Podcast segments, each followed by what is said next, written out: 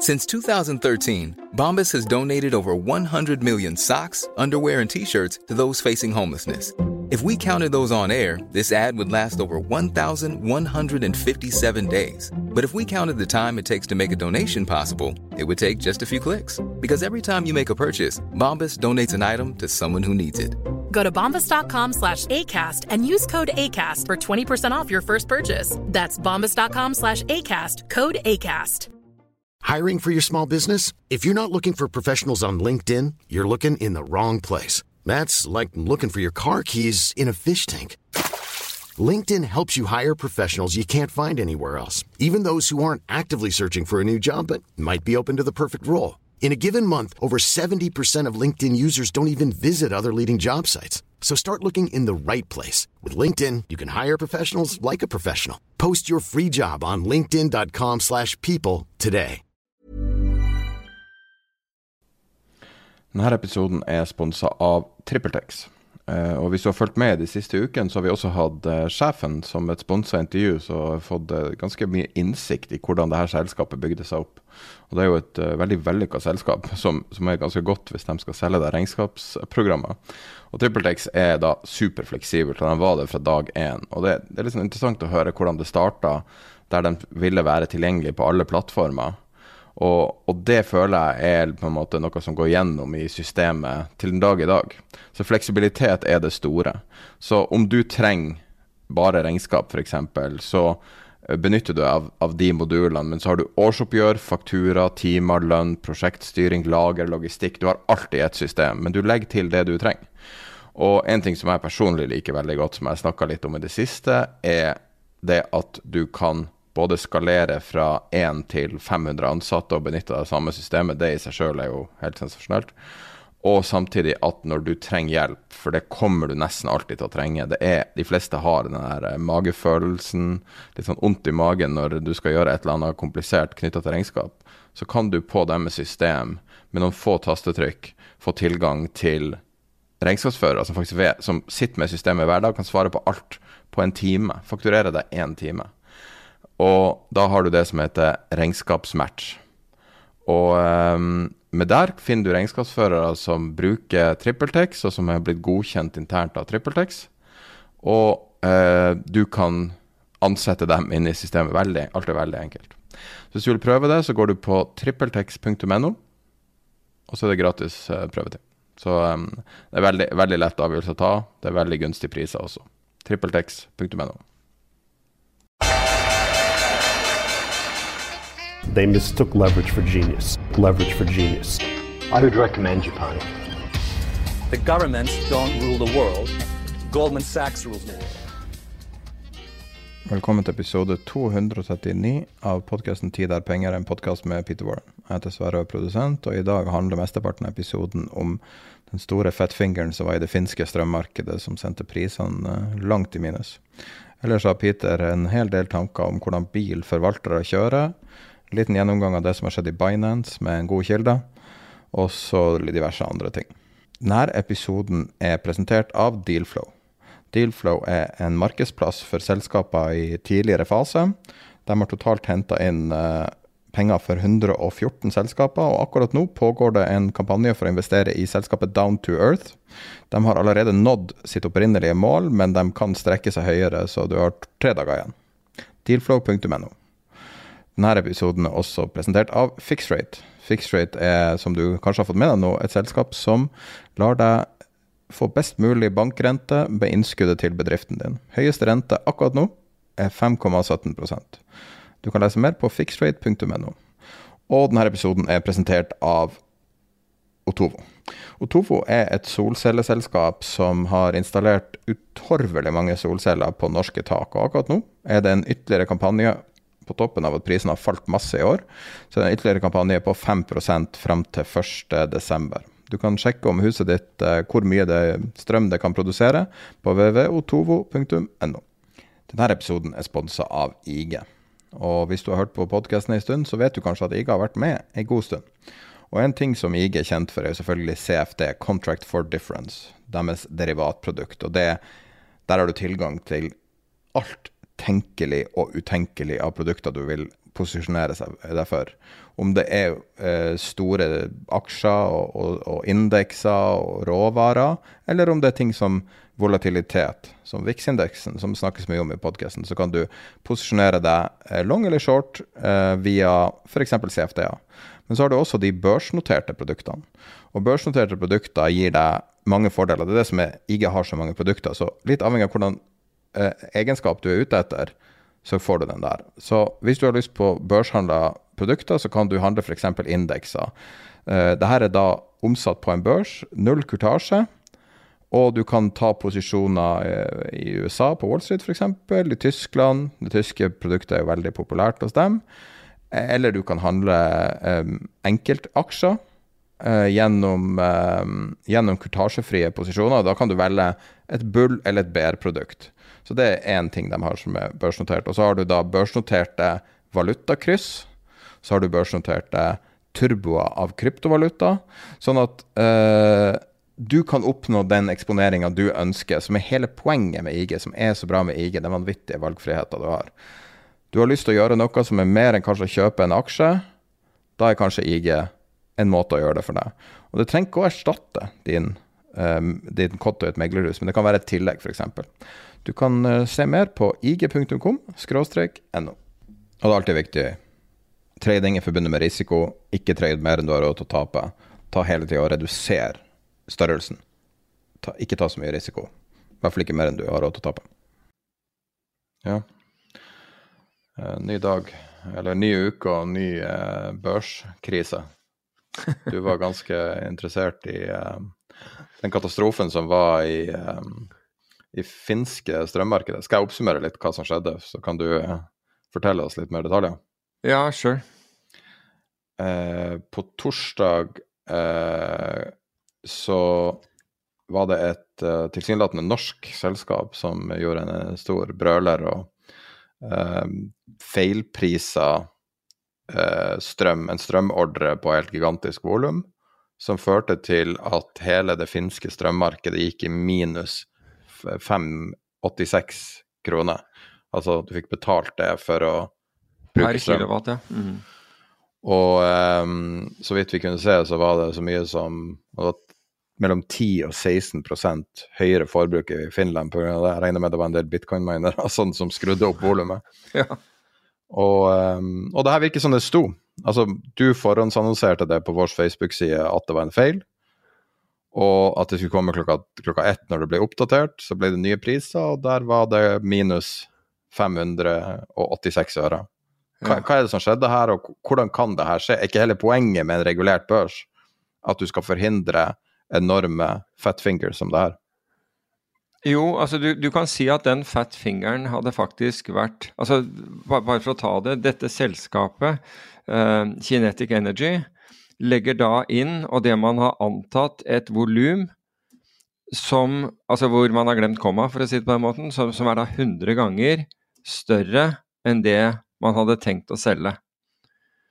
Um, og det er gjort uten Uh, uten noen begrensning på pris, for man har denne kraften, trenger å levere den. ikke sant? Fordi uh, du, du, du, klarer ikke å sitte på den, du har ikke batterier så du kan bli, um, bli, bli, sittende på den. Men det de gjør da, er denne fat-fingeren som gjør at de, uh, de, deres utbud, altså det de skal selge i markedet, er 100 ganger den størrelsen de, de skal gjøre.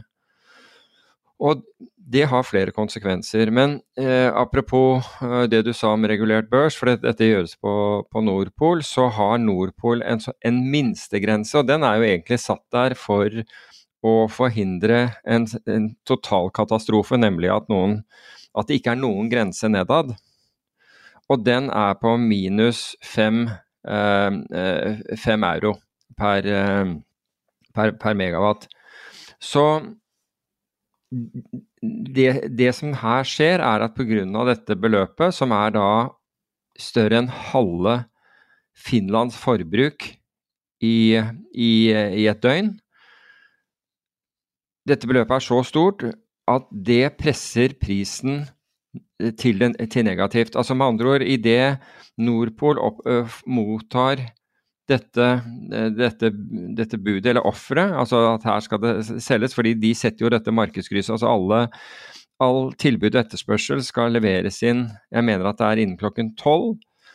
Og så har Nordpol frem til klokken ett på å kjøre en algoritme som da skal beregne priskrysset. Og de får jo da tilbud og etterspørsel fra, eh, fra, fra hele det området som eh, eller, eller, fra hele Nordpol, altså fra alle medlemmene på, på Nordpol, om de befinner seg i eh, i, i, Tyskland eller, eller, her oppe i, i Norden. Altså, det spiller ingen rolle. Altså, alt, alt, blir da meshet inn i, en. Og så regner man ut en, en, pris, og det er den prisen man da handler til i det neste, dø, eh, i det neste døgnet. Og det som er si, ulempen her, det er at alle som da andre aktører som ikke satte inn en limitpris på Altså vi, vi selger ikke under eller et eller annet sånt, vi kan selge ned til det, men hvis ikke så Altså, ta f.eks. et kraft, kraftverk. Da stenger vi bare demningen, vi, vi, vi leverer ikke. Uh, men alle som ikke satte en limitpris Fordi det, dette her er så langt utenfor hva noen kunne forvente seg at ville skje, er at man satte ikke inn altså De fleste satte ikke inn en sånn limit, fordi det blir det det blir, men det er jo alltid liksom eh, fornuftig, dette her. Og det betyr at en haug av andre aktører som skulle selge den dagen, er trukket ned til den prisen. Um, og nå vet vi at det er, nå er det jo allerede levert, og som du nevnte, så eh, resulterte dette i at forbruket i Finland steg dramatisk. Og, men det jeg mener at man gjorde, var man slo av liksom, uh, kablene til, uh, til uh, Slik at man ikke kunne levere til, videre til Norge, for å, for å minske skaden på dette. For ellers kunne du si at alle som befant seg i et område, kunne bare, eller i andre områder hvor, med, med, med, eh, hvor de gikk kabler til, kunne jo bare begynne å kunne bare øke, øke, sitt forbruk også. Så i hvert fall, det som skjer er jo at det, det blir da ikke oppdaget at dette volumet ikke står i forhold til aktøren i det hele tatt. Og det er num nummer én, så det blir det, på en måte Idet den kommer inn, så, så er tydeligvis så, så glipper det et eller annet sted. Eller, men så sier Nordpol at nei, de bare ser på det når de har tid. Um, noe som er litt rart sånn i forhold til, til børs og børsreglement, men det finnes sikkert et reglement for dette her. Og Det neste som er, det er at det skal visstnok foretas, og det kalles ikke sanity check, det har et litt annet uttrykk uh, som jeg ikke husker i, i, i farten, men sånn der sanity check, er dette, er dette her er dette åpenbar, åpenbar en, en, åpenbar feil? Den tydeligvis blir heller ikke eh, gjort. Og så i tredje moment så kjører man den algoritmen. og så det er klart at hvis du har sovet ved roret fram til da, så burde du antageligvis bråvåkne idet den spytter ut uh, at dette her, at de som leverer strøm skal gjøre det skal Altså de som skal forbruke, blir da betalt hva var det, 5 kroner og nesten 70 øre per kilowatt i forbruk. Altså du får penger for å bruke strøm. Det har vi sett her også, men det har vært, det har vært liksom på, på, ørebasis og egentlig ikke reelt sett, fordi du betaler for, uh, for linjeleien din, uh, dreper den, den negative. Slik at det blir at du betaler noe likevel. Men her blir du virkelig altså, Det mer du bruker, det rikere blir du, for å si det på den måten. Og så velger da Nordpol å ikke kjøre algoritmen igjen. Og markedsaktørene sier at det er sånn oppsiktsvekkende når du ser at dette her er klin feil. Hvorfor kjørte du ikke da umiddelbart den algoritmen på nytt igjen? Altså Idet du ser det, bare si at dette er feil. Vi kjører den på nytt igjen. Dette er opplagt feil, og så, og, og så liksom kommer men, men, det skjer ikke, da. Og resultatet av dette er at det selskapet, Kinetic eh, Energy, de er nå ca. en halv milliard kroner i minus. Fordi de må da betale alle som har kjøpt strøm av dem. Og problemet her er at dette selskapet har ikke en balanse som kan håndtere et sånt tap. Dette visste kraftaktørene for øvrig på, på, fredag, for vi ble jo kontaktet av flere kraftaktører som sier hva Spør meg sier, du har erfaring med børs og markeder og kraft, sånn, har du sett lignende? Eller jeg sa at jeg har sett lignende, jeg så lignende i oljemarkedet. Eh, da det gikk sant, over 30 dollar i minus på leveringsdagen. Nå har man jo satt inn, og du kan argumentere at det kostet jo aktørene forferdelig mye penger. Um, og også, så vidt jeg vet I, I, London også, med kobber. Nei, med nikkel, var det ikke? Nikkel. Ja, men nikkel gikk opp. Det, det, det, det var, var, en ekstrem bevegelse oppsiden. Men her, her, i forbindelse med negative kurser Det har vært negative kurser før. Jeg tror det var negativ kurser på danskraft ved et eller annet tilfelle, så, men ikke så, så, mye som her. Altså Her traff du gulvet, og heldigvis så fantes det et gulv sant, I, som, som, man hadde satt inn, og det er på, eh, da på fem euro. Så man traff det, det gulvet. Um, og Gud hjelpe hva som hadde skjedd hvis ikke det gulvet hadde vært, vært til stede. Men, så, men det, det, som er litt oppsiktsvekkende, så E24 eh, e skrive om det, og eh, DN skrev, skrev, så vidt om det. Men det fikk ikke noen andre eh, bølger i det hele tatt. Men jeg hørte på svenske nyheter, og det var egentlig en tilfeldighet. For hvis du hører på det der NRK Nyheter, så slår det over på et eller annet klokkeslett til, til svenske nyheter på, på kvelden. Og der ble det godt dekket, og finske nyheter dekket, og Wall Street Journal dekket og Financial Times dekket og Bloomberg dekket det. Og NRK hadde, der gikk helt der var ingen, ingen, ingen, som brød seg om det. Så på alle disse store mediene ute, de, er, de har, har, da dekket den, denne saken. Um, så situasjonen, sånn som jeg forstår nå, da, er jo bl.a. At, um, at reguleringsmyndighetene, altså det som tidligere lå innunder NVE, men nå tror jeg er en Ja, det, ligger, det er jo det er et statlig organ uansett, da. Uh, de skal inn altså reguleringsmyndighetene, hva det heter, reguleringsmyndighetene for, for energi, eh, de skal inn og granske og se på hva som har skjedd. Men hvordan Altså hva som skjer med dette tapet og med det selskapet. Altså det, det, det norske selskapet det er et datterselskap av et nordamerikansk eh, eh konsern. Men det er da Vil da morselskapet dekke dette. De trenger ikke gjøre det. Hvis dette går konkurs, så er det da regningen er da den kapitalen man får ut av dette selskapet. Uh, uh, vi, vi, vi, kommer til, til, fratrekk, men man anser at det kommer til å være en, en stor, uh, en, en, stor diff på det. Og hvem er det altså At the end of the day, hvis dette hadde vært for, hvis dette hadde vært f.eks. i um, i, eh, i, fremtidsmarkedet, altså terminmarkedet for kraft.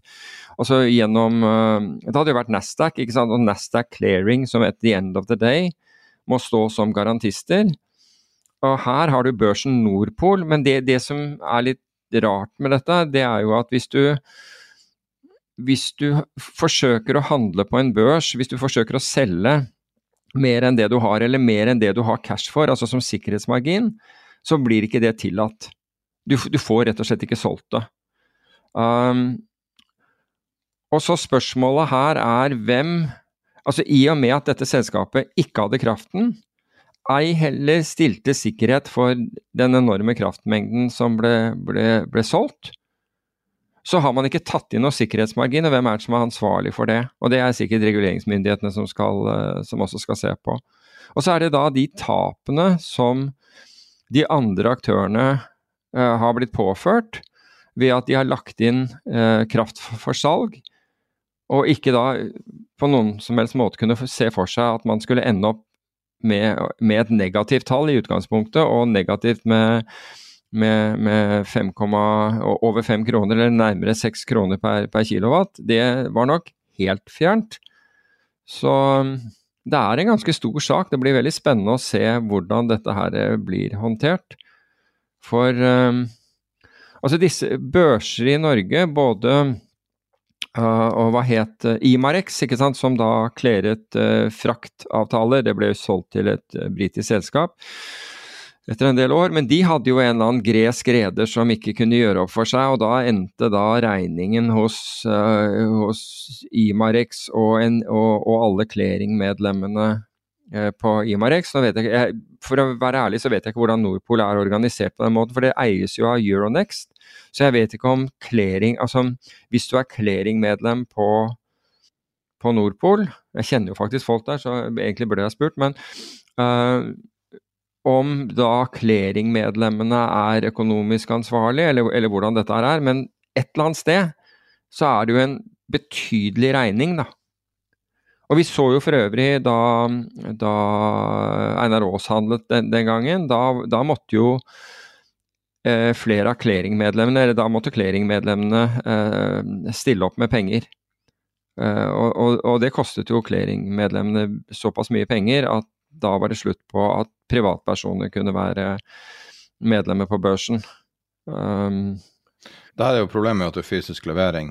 Ja. Det er jo en øyeblikkelig, en perishable ressurs som blir brukt med en gang. Og um, spørsmålet da er jo om, uh, om det hele tatt er praktisk mulig å nulle ut en handel. Altså hvis du, hvis du hadde gjort det ville jo være det letteste, da. Sånn ja, altså du, kunne, du, du måtte jo nullet den ut. I det øyeblikket resultatet fra algoritmekjøringen uh, var gjort, så måtte du i, i så fall ha null, nullet dette her ut. Men markedet visste jo at dette, her, at, at dette kom, dette men, men, du, kan si at, du kan gjerne si at jeg går ut fra at Nordpol ser det tallet før, før det blir kommunisert ut. At det ikke er en sånn direkte fra algoritmen rett ut, men at, at slik at man kan gjøre sånne ting som en sanity check eller et eller annet sånt. Men, uh, men nå er jo Nordpol et selskap som tjener mye penger. Uh, så, så, så de, har, de, har, sikkert økonomi til å, til å håndtere dette. Fordi, uh, men det blir jo, hvis liksom det, det, skulle ende opp med at med at, at clearingfunksjonen um, Eh, ikke virket her, eller clearingfunksjonen har, har, ansvaret, så har jo i hvert fall altså ingen tvil om at Nordpol har, har disse pengene. Bare, bare, så det er sagt, men uh... Jeg sitter og leser på regelverket til ja. Nordpol. Side 13 i uh, Clearing Rules for, uh, som er datert i slutt, nei, midten av 2021. Og punkt 16.1 er Nordpol may issue an extraordinary collateral call to clearing members if Nordpol decides that extraordinary circumstances so require. Høres ut som det kan få det samme som Nasdaq. Ja, fordi en extraordinary vil jo si at det virker på meg da som Jeg kan si det definert her. Extraordinary circumstances include major price fluctuations, general changes to the market, and other matters that indicate a higher credit risk in respect of clearing members or its ECV transfer. Men det, det impliserer jo at, at, det allerede skal tas inn, ikke sant? Altså, for her står det en ekstraordinær en. Og det vil, det vil, jeg oppfatte som at det allerede er uh, at, du allerede har uh, Eh, sikkerhetsmargin, at, at, du må ha sikkerhet. Men det er jo godt mulig at, at denne Kinetic Energy hadde sikkerhetsmargin på forhånd, men, ikke, men den da var ikke tilpasset det volumet. Og, og, og, vanligvis på, på, børser da, og det gjelder råvarebørser så vel som, som aksjebørser, så vil jo du ikke klare å gjøre en handel for det økte volumet, rett og slett fordi i det øyeblikket du forsøker, så sier, så sier um, børsen ifra, altså elektronisk sier ifra, at du har ikke, du har ikke tilstrekkelig nok uh, cash på konto. Vil du høre til... noe brutalt? Hva sier du? Vil du høre noe brutalt? Ja, kom igjen. De har 150 minutter på seg å stille margin. Fra du får varselet. Ja, det er ganske brutalt. Det er, det er enig. Ok, du har De fleste banker rekker ikke å være ja, altså det, det, er jo to og en halv time på deg stille margin. Det her er jo helt open-ended. Det er ganske rart at de tillater nesten å, å, være Altså det er så stor verdi å være medlem. Jo, det er sikkert en sikkerhetsmargin i utgangspunktet. Poenget her er at det, dette er jo excess margin, ikke sant, fordi volumet var veldig mye større. Så la oss si at du at de kunne selge en hundredel av det de, de solgte, da. Eller la oss si at de, at de, de kunne ha solgt ja, i hvert fall la oss si de kunne en, ja, Spiller ingen rolle om det er en hundre, men la oss si at de hadde penger til det, da. Og så selger de da et betydelig høyere volum. Da skal enten eh, alarmklokkene, eller de burde jo gå av med en gang, fordi man registrerer at her kommer et mye høyere volum enn denne aktøren har sikkerhet til. Eller så kan du si at den der 150 minutters saken din, altså hva blir det, to og en halv time, eh, kommer inn og Ålreit, du har to og en halv time på deg å, stille denne. Men det er klart at hvis de oppdaget det halv ett, da Jeg vet ikke når, når selve kjøringen går, men, liksom, men, de oppdaget det halv ett. Så, det, så, så, måtte du hatt pengene på Men altså, alle skjønner at dette her går, går åt skog, skogen. Altså Det er fra varselet. Varselet har jo tydeligvis ikke kommet enda, ut fra det man vet. Nå skal de jo etterforske seg sjøl. Så det er jo mulig. Men, men når det kommer skal til Skal de etterforske seg selv? Nordpol. Oi, ok. Men hva med regulering Eller hva med Ok, jeg trodde det var reguleringsmyndighetene som ja, Hvem altså, regulerer strøm, er det det? Reguleringsmyndighetene for energi. Okay. Nei, de, de var tidlig Ja, RME, ja. De var tidligere under NVE. Jeg mener nå at jeg, jeg tror kanskje de svarer direkte til departementet eller noe sånt, jeg er ikke helt sikker. Men det er jo cross-border som gjør det her vanskelig øyeblikkelig. Amerikansk aid, norsk sjef i Kinetic, eh, alle andre er tyske og utenlandske navn. Eh, handler på en børs i Norge med strøm i Finland. Det er veldig mange kokker i greiene her. Ja, men altså for børsens del så er det jo en grei sak. Altså har, har, du, har, du, har du, enten kraften eller, eller, nok sikkerhetsmargin? Ja eller nei? Det er jo egentlig det som, det som et tar, tar, stilling til. De bryr seg døyten om hvem som, hvem som, er, hvem som befinner seg bak eh, altså aksjonærene bak, eller hvor, hvor, strømmen skal leveres. Det er jo ett fett. Altså om jeg, om jeg vil ha om jeg kjøper kobber eller, eh, eller og får det levert til LME London eller et annet sted, det er jo helt uvesentlig. Altså jeg må bare ha pengene til å kjøpe den mengden. Eller selge den mengden, alt ettersom. Forresten, jeg må jo bare presisere det. Jeg sitter nå bare og leser dokumentet på nordpolgroup.com som handler om clearing. Kanskje jeg tolker det feil, men det var ganske klartekst her. da, det er derfor... Uh... Ja, jeg ser, ja. Men, uh... men du, jeg legger med linken til det nyhetsbrevet, så kan du lese det sjøl og se hva du ja. syns. For det er jo faktisk relevant for en vanlig nordmann og at man har et velfungerende strømmarked. Det er jo ja, altså det er, jo, det, er det, det er, jo, det, dette her handler om. Det, handler jo om, om faktisk kraftmarkedet i, uh, i Norden. Så det er, ikke noe, det er ikke en liten greie, dette her. Men, men kan jeg få lov å foreslå en ting? Ja, kom igjen. Circuit breaker, da? Det var det. Minus Altså, min, de, altså der hvor det, det traff jo circuit breakeren. Det er jo hele, hele poenget. Ja, men hvorfor er circuit breakeren minus fem, 560 øre, eller hva det var? Altså, det er jo ja, helt latterlig. Altså, det er, på hvordan planet er det logisk å selge strøm minus 560? Ja, Det vet jeg ikke. Som sagt, det ble solgt for minus, minus 400 et eller annet i, uh, mener jeg, Danstrøm ved, ved, en tidligere anledning. Men uh, Og jeg vet ikke om det var en uh, om det var en feil eller ikke, men Hvis man skal beskytte strømmarkedene, så ville det jo vært å ha en minimumspris vært ganske relevant. Hvis du setter én krone som en det, det begrenser hvor mye man kan tape, men du begrenser jo også hvor lite lukrativt det er å drive f.eks. vindmøller når det blåser i hele Europa og prisen stuper. Mm. Kanskje man burde ha et sånt regelverk. Og det er jo det at et, et finansmarked er jo bare så, på en måte, så sterk som reguleringene.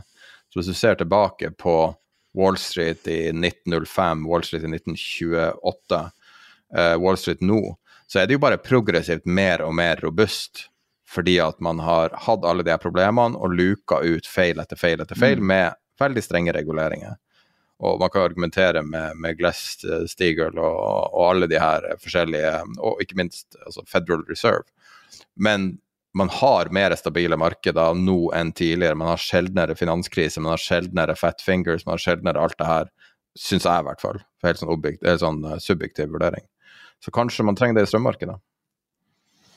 Ja, eh, ja er jo helt klart. Men, men altså de 500 euro, altså minus 500 euro per, per megawatt, det er, en, det er, jo nettopp egentlig for å forhindre fat finger. Det gjorde ikke i dette tilfellet, fordi Vet du nøyaktig hva som skjedde? Sånn sekund for sekund?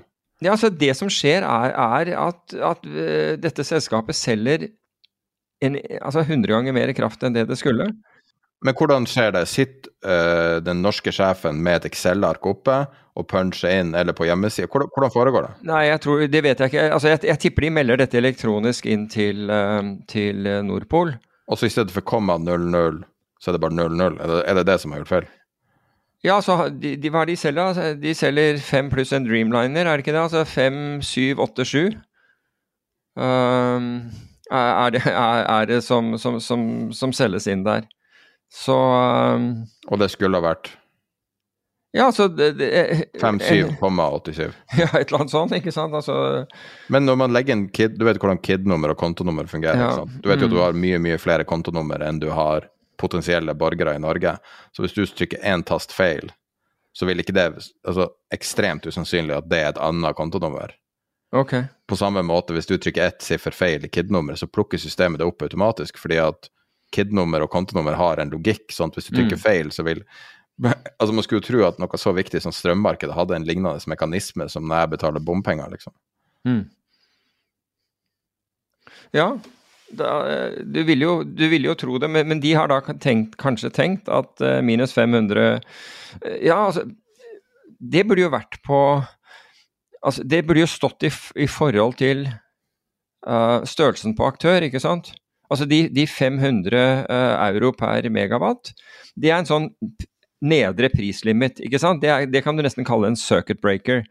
Eller, for det er ikke en circuit breaker, fordi det, altså det det, det, stanser prisen fra å gå lavere, men ikke fra ikke volumet. Skal vi si litt hva circuit breaker er for noe?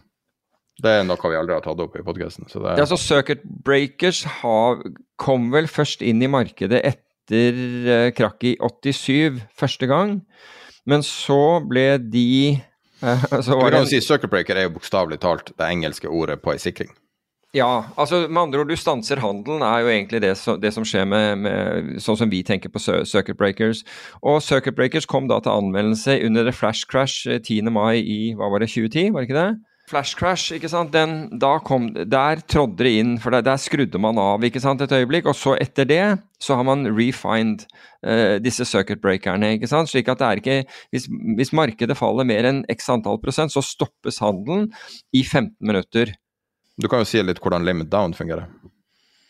Ja, limit down det er jo gjerne på, på enkeltkontrakter, ikke sant, og spesielt i, innenfor Det er faktisk innenfor, innenfor råvarer. At, og det, er forferdelig hvis du kommer på gæren side, og det vet nordmenn. Jeg husker det fra da da Hvem var det? Jo, det var Irak som in, invaderte Kuwait. Og da fikk du jo limit down i olje, og da var det et meglerforetak i Oslo som hadde eh, anbefalt kundene sine å kjøpe oljekontrakter på, på forhånd. Og så går markedet limit down. Og når det går limit down, så stenger man børsen. Og Noen ganger så stenger du for hele dagen, andre ganger så, så åpner du en gang til i, i løpet av sesjonen. Og hvis du, hvis du går limit, altså hvis den da trader under limiten, så la oss si at Nå husker jeg ikke hva limiten var i de, de dager, men la oss an, bare, bare, for å ta et tall, da, si at det var fem dollar da, per, eh, per, per fat. I det øyeblikket og, og, og, la oss si dette skjer til nedsiden. Så i det øyeblikket en, eh, en trader går selger på den kursen, altså eh, fem dollar under, så stanses handelen. Og så holdes, holdes uh, den kontrakten stengt helt inn, i en viss tid, og så åpnes den igjen. Og hvis den fortsetter ned da, altså hvis, hvis, den, hvis, den, ikke, hvis den begynner å trade over, så er det greit, så lar de den trade. Kommer den ned og, og, og, går igjennom, eller forsøker å gå igjennom igjen, så stanses den for dagen. Og det vi hadde den gangen, lurer jeg på om var to eller tre dager med limit down-bevegelse i uh, var de short, eller var de nå, skal vi se, Det mer logisk ville være at de var eh, Det er limit up i Irak-krigen? Ja, at de, var, at de var short og ikke long, sorry. Så, men var det nettopp at de var short, ikke long, fordi det, dette gikk jo utover uh, Kuwaits oljefelt. Så, så, da var det jo til oppsiden. Så, så, du kan si at de ble da sittende short i et marked som bare ble budt opp og stengte, budt opp og stengte flere dager etter hverandre, og noen av, de, og noen av kundene deres ble nesten ruinert på det. Og det dette meglerhuset ikke visste, det var at spot-kontrakten, den som er nærmest til forfall, den har ikke limit.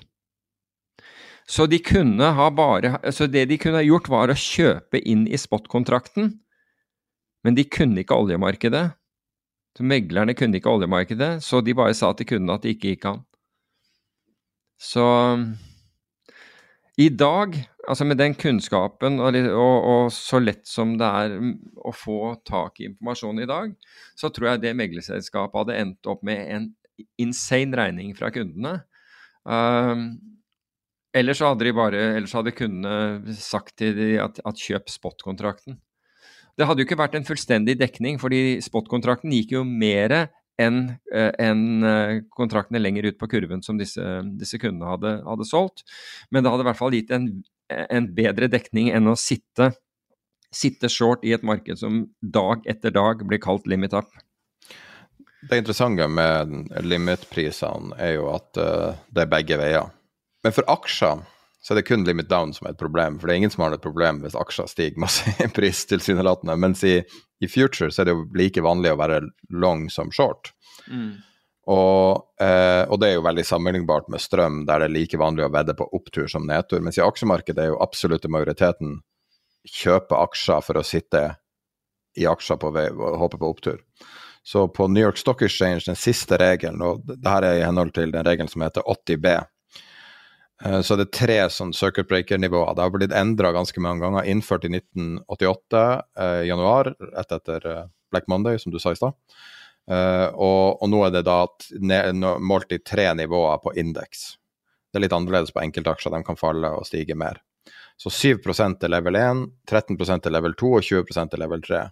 Og da er det litt sånn forskjellig hvor når på dagen det forekommer, og hvor lenge det er pause. Men det, vært, det har jo vært pauser mens jeg har fulgt finans, husker jeg. Altså, det er jo uh, I finanskrisa var det. Ja, men på, på, GameStop så mener jeg at de, de, de stanset handelen midlertidig på vei opp også.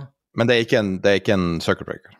Det er bare et, et, valg. De kan stanse handelen av andre grunner også. Ja, altså de, de, de endte med å, å, gjøre forskjellige andre tiltak, men jeg mener at de gjorde det fordi altså Det er jo bl.a. i tilfelle ulik informasjon er ute i markedet og mange sånne ting, så børsen har muligheten til å, til å å gripe inn, også til, til oppsiden, men vil, dersom, eh, dersom, det er, eh, dersom, det ikke er, noe bevis for at det er noe galt, eh, da bare åpne igjen. Og så får markedet klarere en eller annen pris. Men, men tilbake til, til Så, så det, altså, disse tingene er, er, jo, er, jo, fornuft. Men det, det mest fornuftige, og, og, det som, og, det som, også rammet da til slutt eller rammet uh, level the, the, playing field og, og, og, og, reduserte den totale galskapen i GameStop, var jo nettopp at meglerhuset, altså Robin Hood, som mesteparten av denne handelen gikk gjennom, ikke hadde tilstrekkelig kapital. Med andre ord kunne ikke stille sikkerhetsmargin for for, uh, for handlene som, som, ble gjort gjennom dem. Og da de ikke de kunne gjøre det, så altså, De ville jo gått konkurs hvis ikke de hadde fått tilf tilførsel av penger. Men det gjorde at man stoppet handelen, og, og, hvor de først måtte si at du kunne selge, men ikke kjøpe. og Det var det man trodde var en konspirasjon. Men det var rett og slett det at Og hvorfor man kunne selge? Fordi det, det reduserte den åpne balansen som, eh, som Robin Hood hadde i GameStop. Så dermed så, så, gikk kapitaldekningskravet deres ned hvis, hvis, det, hvis, det, var salg, men hvis det var kjøp, så ville det øke. Og det var det som gjorde at du fikk den, den, den børstoppen som folk gikk mann av huset, i hvert fall, um, i hvert fall småsparere, og kritiserte. Og, og endog Det ble jo vel en sånn kongresshøring og det som er trist i sånne situasjoner, det er at de færreste av de politikerne som satt der, hadde peiling i det hele tatt på hvordan dette her virket. Og da var det jo um, Det er jo lignende regler for så vidt som er på Nordpol, som var i USA da. Det er jo det som heter T pluss 2. og det er oppgjørstida for clearinga. Og det var jo nettopp den forsinka oppgjøret, at du ikke hadde T pluss 0, altså samme dag oppgjør, samme dag clearing. I, Og det var jo det Um, som skapte den vanvittige leggen, fordi at volumet ble så helt enormt, fordi du hadde Ja, flere altså- dager med clearing.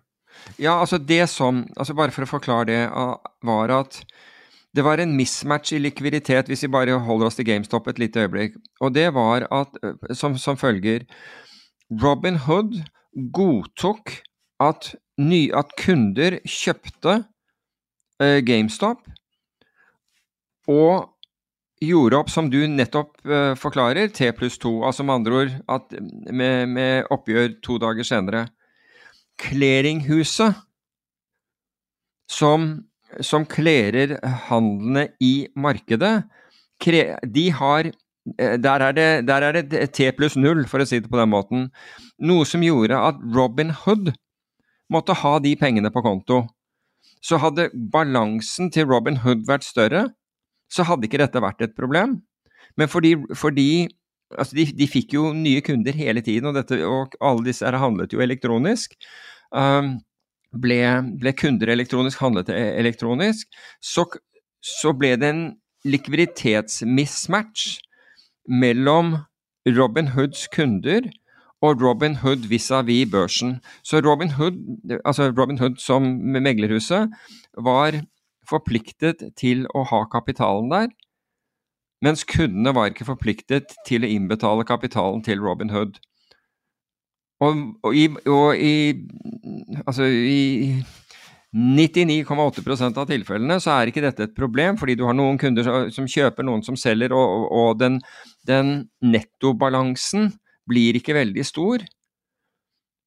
Og i hvert fall ikke større enn at du har egenkapital til å håndtere dette her til tross for at kundene dine har T pluss 2 oppgjør, så er ikke det noe problem. Men når det var helt ensidig, alle var på, på, på samme side av markedet, så gikk rett og slett Robin Hood tom for penger. Så, så hvis jeg er Robin Hood-kunde, øh, Hood jeg ønsker å kjøpe GameStop, jeg legger da inn det på, på systemet og kjøper GameStop. Dersom Dersom det er en Robin Hood-kunde som samtidig ønsker å selge, så vil ikke det være noe problem. Da, da vil det foregå en self-clearing. Men problemet er at Robin Hood, altså den, den, algoritmen eller De solgte jo flowen sin ikke sant, til bl.a. Citadel, og Citadel går ut globalt sett, ikke sant, eller alle andre steder hvor, hvor, hvor GameStop uh, handles. Alle børser hvor, hvor, det kan være aktuelt. alle alle dark pools, hva som helst, og prøver å, å, å matche disse her. Og, det, og, den matchingen vil ikke da være høyst sannsynlig mot en GameStop-kunde. Ergo så er det et økonomisk ansvar imellom disse to handlene. Den ene for å ø, betale inn pengene, den andre for å levere aksjen. Og det dreier da seg om to forskjellige meglerhus, og, i, og imellom der så har du børsen som klerer. Du kommer ikke unna, du får ikke handlet med en motpart som ikke er deg selv. Altså med andre ord som ikke er en kunde av Robin Hood, med mindre du stiller en sikkerhet. Og det var det som gjorde at Robin Hood fikk mismatch i, i likviditet. Så det, det, er altså hvis du, hvis du, handler med Goldman Sachs, så er jo Goldman Sachs clearingmedlemmer og self-clearer og alt mulig sånn. ikke sant? De er prime broker og hele pakka. Men de Altså hvis, hvis du da gjør handelen altså hvis, hvis, du har Goldman Sachs som prime broker, sånn som, som, vi hadde i et av fondene, og jeg ønsker å kjøpe aksjer i, i New York, så å handle på børsen der, så er det gode muligheter at den, den som er på den andre siden, ikke er, er Goldman Sachs kunde. Og, og, det som da skjer, er at Goldman Sachs stiller den sikkerheten på vegne av meg. De, de og slik at de er et clearing-medlem inn mot børsen. Og slik jeg har forstått det, så var jo uh, Kinetic Energy de var også, I og med at de var børsmedlem og kunne handle direkte, så er jo de på en måte et clearing-medlem også. Og slik jeg forsto, men her kan jeg ta feil, men slik jeg forsto, så handlet de også for andre mindre foretak.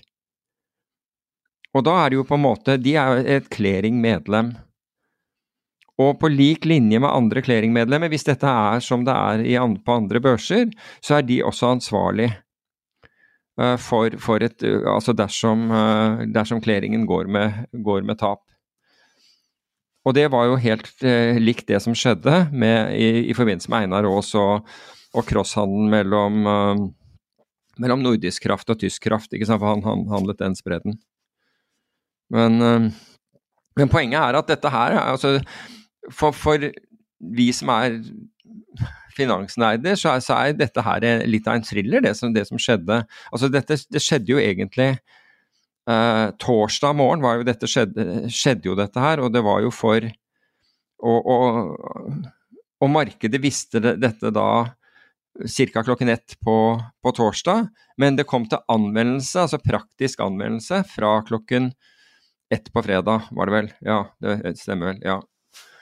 Så det er, det er da Eh, det er da den prisen gjelder for, fordi man handler en dag frem. Det er veldig representativt for uh, hvor viktig det er å lese dokumentasjon. Det er akkurat som hvis du kjøper et børsnotert fond eller investerer i et eller annet selskap. Du burde vite hva du, hva du holder på med, fordi hvem vet hvordan regel du, du aksepterer når du signerer et dokument. Og uh, selskaper som det her er jo bare vanlige mennesker. altså de, Det er jo ikke noe sånn magisk med dem. De driver med krafthandel, og det er viktig. Det er jo et mer komplisert marked, da, men uh... Jo, men det er derfor det er særregler, det er spesielle regler for å være, for å være markedsplass og klerer, ikke sant. Altså det, det, det er, der er reglene Det er uh, si, mer, langt mer omfattende enn, en om du er en aktør som handler på børsen. Er du en aktør som handler på børsen, så må du ha Hvilket de ikke hadde i, tilf i, dette tilfellet, men så må du ha sikkerhet for, for, for, uh, for, handler du gjør. Og det er på en måte ansvaret ditt. altså Hvis du glemmer innsidehandelsregler og alt mulig sånt som ikke er vedkommer denne saken på noen måte, så er det jo det at du, at du har tilstrekkelig eh, nok økonomisk eh, bæreevne til å gjøre de handlene du gjør. Men hvis du er en en markedsplass eller en klerer, da, jo, da, da, sitter du jo tross alt med motpartsrisiko mellom alle disse her. Og da må du jo da sørge for at disse innbetalingene er på plass, og vurdere motparter og vurdere hva de gjør og, og i det hele tatt. ikke sant? Altså, det er jo, ta, ta Oslo Børs, ikke sant? de har jo en egen egen avdeling. Det har sikkert Nordpol også, det er bare at jeg ikke kjenner de så godt. Men eh, de har jo Stockwatch på Oslo Børs som følger med på handelen hele tiden og griper inn og, og stiller spørsmål hvis det er noe som avviker i, i handelen. Og de griper jo ikke inn for, for investoren, for sluttinvestoren. Stockwatch forholder seg til meglerhusene som er da medlemmer på Oslo Børs, og, og, og, sier du, dere har lagt inn, eller kunde gjennom deg har lagt inn, eller hva som, hva som helst, hva er det som foregår her? Så, så, sånn er dette her organisert. Men det blir veldig spennende å se, fordi, fordi, nettopp fordi dette er en nordisk børs, eller et nordisk marked, så blir jo dette på en måte enda mer interessant. Så sånn finansnerdete Altså forrige gang så hadde vi jo den derre Det var jo i, i, eh, i, eh, på sommeren 2022, eh, da Citibank-traderen i London legger inn et voldsomt stort Altså han gjør en fat finger i var det i et svensk selskap som får konsekvenser for Sverige, svenske markedet, finske markedet og, og, det norske markedet. ikke sant? Altså alt går apeshit, for å si det, si det forsiktig. Um, men der hadde du Citibank, og det kostet jo Citibank veldig mye penger. Men der, altså Citibank er jo da en, en, en, aktør med så dype lommer at de kunne gjøre en sånn, en sånn feil. Så, men da var det vel også circuit breakers som gikk, og noen som ikke gikk. For det var jo en del Der var det jo annullerte man vel en del handler også. men Nå husker jeg ikke den der i, i detalj, men vi var, vi var, ganske mye på den saken. Vi har jo en egen episode hvor vi tar opp, vi tar opp det som skjedde den, uh, den dagen. Ca. en gang i året, en gang hvert år, så er det en eller annen krise med noe infrastruktur på markedet. Ja, bare håpe at det gjør infrastrukturen eh, mer robust da, over, over Det er jo tid. sånn uh, fly er blitt trygg. Det er jo alle flyulykkene som man har lært av. Ja, det er sant. Det er sant. Um... Skal vi snakke om annen infrastruktur? Ja, det kan vi godt gjøre. Go for, go for uh, infrastrukturen i uh, kryptoverden heter vel Binance. Og uh, det har vært litt drama, hvis du ikke har fulgt med. Hvis du ikke følger med på krypto så mye, så er det ikke sikkert du har fått med deg. Men grunnleggeren av Binance, verdens største kryptobørs, har gått av. Og han har eh, reist til USA. Han heter CZ, uttal, jeg vet ikke om jeg uttaler det riktig, Shangpeng Shao. Um, og for å prøve å få litt klarhet i det, så tok jeg kontakt med han Knut Erik Eljarn, som er vår friend of the pod som kan forklare oss hva som er viktig i krypto. Han er jo på en måte mister krypto i Norge og marketmaker nesten alt som er.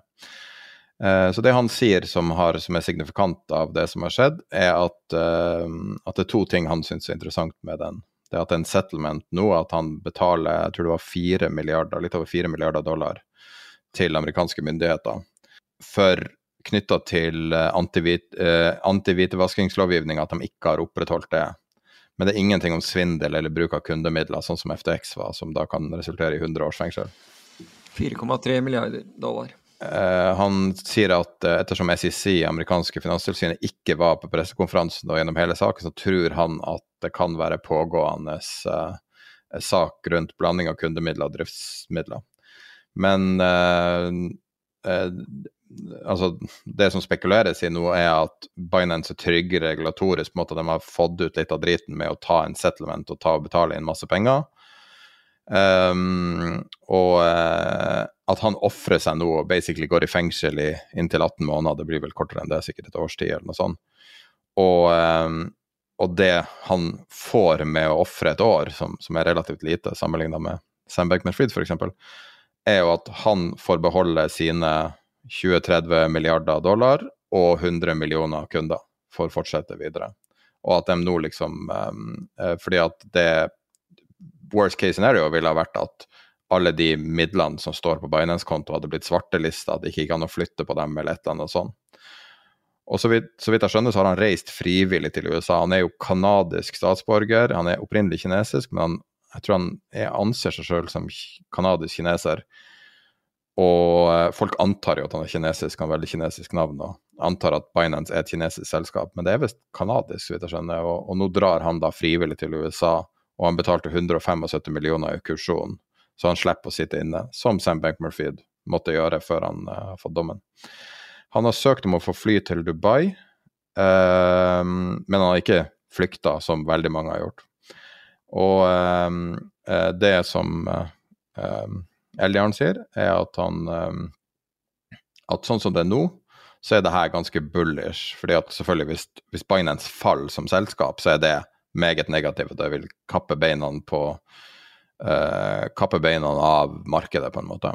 Uh, og, og, igjen, uh, eh, 18 måneder fengsel, 20 milliarder dollar, liksom, det er ganske bra trade-off for han.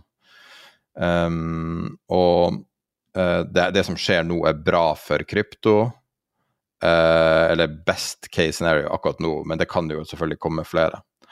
Uh, og han mener at, at, han, i tillegg til alt det her, så vil han uh, bevare formua som han mener er den raskeste voksende formuen i verdenshistorien. Det har ikke jeg sjekka, men han sa det.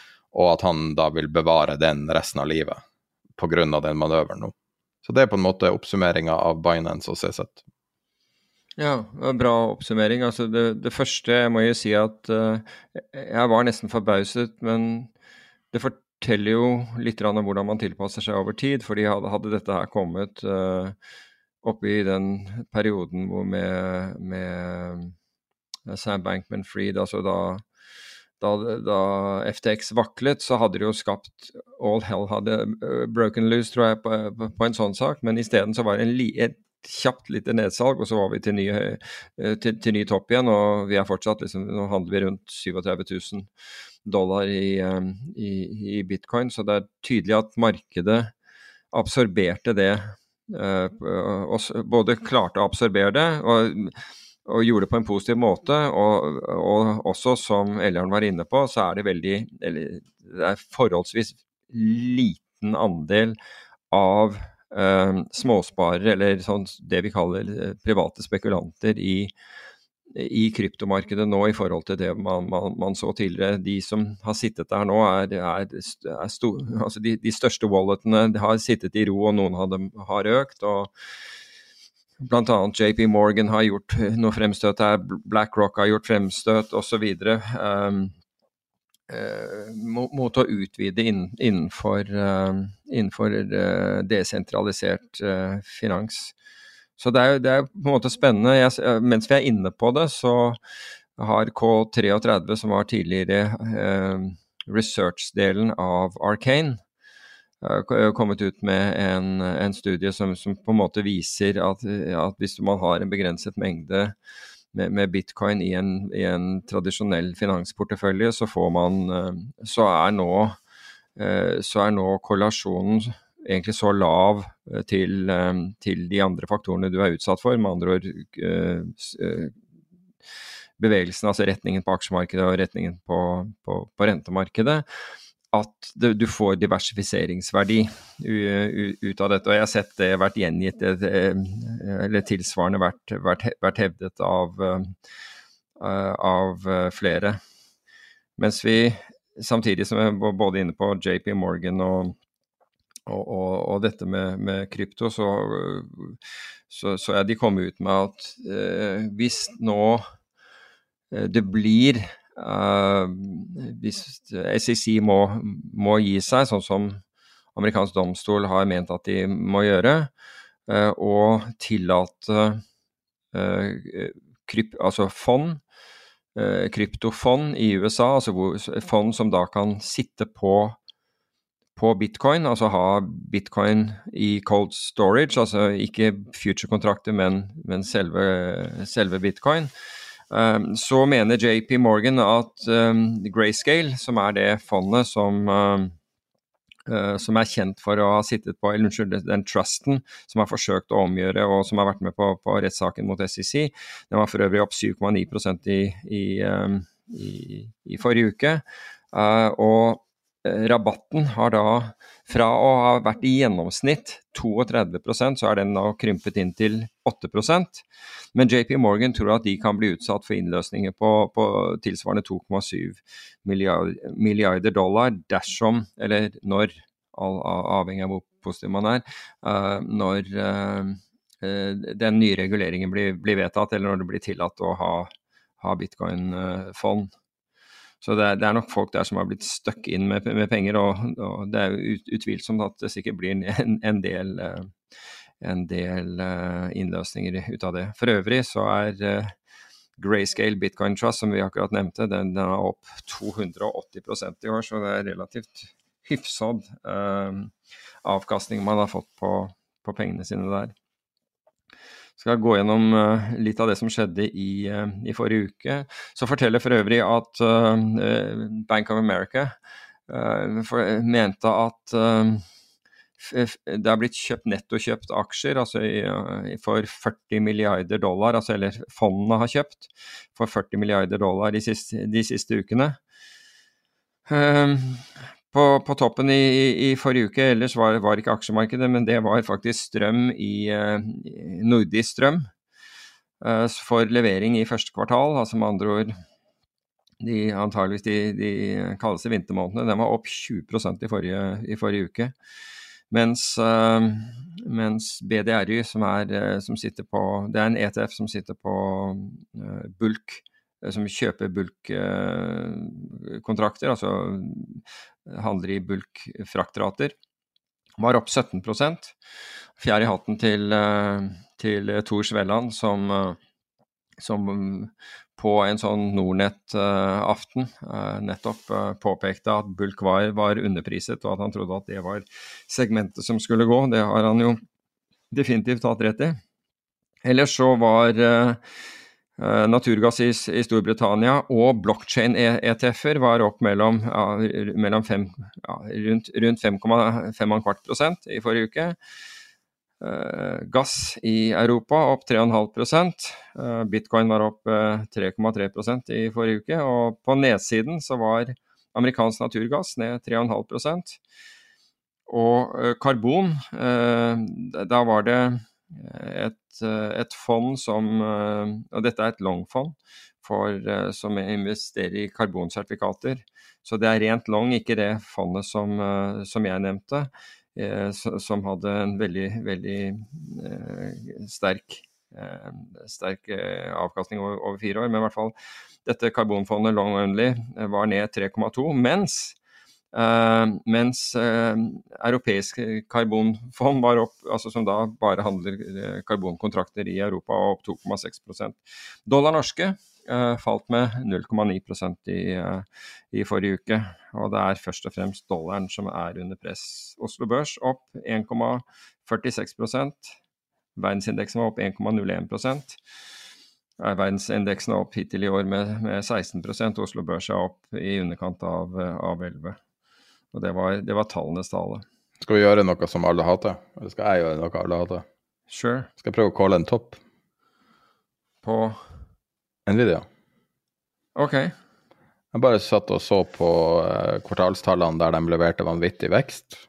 P-en deres er du, 38, men det er jo altså det er vanskelig, nesten, nesten litt hvordan du regner det.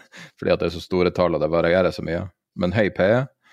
Um, sist uke var det jo artig styre rundt OpenAI, uh, og det virker som at hele verden fikk med seg om OpenAI, og, og liksom, det var liksom på en måte litt sånn peak for AI-oppmerksomhet. Og samtidig så har det jo mange andre aktører som, som begynner å komme på banen med chips, både uh, Google, Microsoft, alle sammen lager egne ting. Sånn at kanskje den first mover advantagen til uh, Nvidia begynner å fade. Og eh, det at det her er jo veldig, veldig kostbare ting. Og, og eh, når du da ser også på den vanvittige spiken på 1242% på min graf eh, siden eh, november i 2018, og det har bare gått én vei, og det har gått drastisk mye i 2023. Og så tenker jeg, tror du virkelig det her kan fortsette til himmels? Altså, er det ingen grense for hvor mye penger de får inn av nye aksjonærer, eller, eller er det ei eller annen grense? Og Du har jo sett hyper før. Ingen kan jo spå en puck, men selvfølgelig er det her en stor hype. Men lever det virkelig opp til forventningene? Ja, altså jeg, Min oppfatning er jo at ting vil ta lengre tid enn, en man tror. Men samtidig så tror jeg at det er, er ekstremt viktig det som har skjedd på, på AI-fronten. Og nå for, altså Siden vi snakket om det der sist, så, eh, så, jeg, så har jeg fått sett litt om eh, litt hva AI eh, altså i bruk på til bl.a. etterretningsformål og, og, og våpensystemer. Og, jeg snakker kun om prisinga nå. Ja, ja, jeg skjønner. Så, så du kan, så, ja, det er, derfor det er, det er, to forskjellige ting. Jeg tror, på en måte, jeg tror virkelig på AI sin, sin, sin fremtid her. Det tror jeg. Men, jeg, men som med alt annet, og inkludert .com, så får, får, man en sånn mania. Og jeg ser nå, nå løper konsulenthusene rundt omkring og, og, og, og tilbyr AI-konsulenter til alle mulige bedrifter. Um, og så, så jeg, jeg, tror jo at det er kortsiktig hypet. Um, og at, at, man fort kan trå feil her, rett og slett uh, av det. Fordi det er du kan si at det er det er, flere, det, det, er, det er langt flere AI-eksperter enn folk som har utdannelse som, som, skulle tilsi det. Det er mitt inntrykk i, i øyeblikket. Altså, det, det, har vært en veldig sånn Hvis, hvis ikke så har, har, folk klart å tilegne seg vanvittig mye, mye kunnskap på, på, på, kort tid. Kan jeg si en siste ting som var grunnen til at jeg tenkte der? Kom igjen. Volumet som var på onsdag jeg satt bare og så på volumet. Det var veldig mye altså når det var nedsalget. Du var på et naturlig sånn toppunkt 500 dollar-nivået, akkurat der det, det falt ned. Mm. Um, du har uh, OpenAI-dramaet som skapte så mye. Og så ser du tilbake på tidligere topper, sånn som f.eks. Microsoft. Det var vel nyttårsaften 1999. Snakk om symbolsk dag. Mm. Y2K, liksom. .com og hele helvete. Sånn at det er en viss sånn overtro og symbolikk i de her tingene. Jeg sier ikke at jeg, altså, Å spå noe har jo ingen verdi i det hele tatt, men det er liksom bare å forstå eh, de her basic dynamikkene, da. Det var det jeg mener. Så det er ikke det at altså, å treffe riktig altså, Finans handler jo ikke om å spå og gjette, alt sånt, det er jo ikke det det er. Og, og det OpenAI, nei, det Nvidia har gjort, er jo helt fantastisk. Men det er også veldig dyre produkter de har. Så på et mm. eller annet tidspunkt har ikke folk lenger råd til å kjøpe det, liksom. Men har vi nådd en midlertidig peak? Det er litt det jeg spør.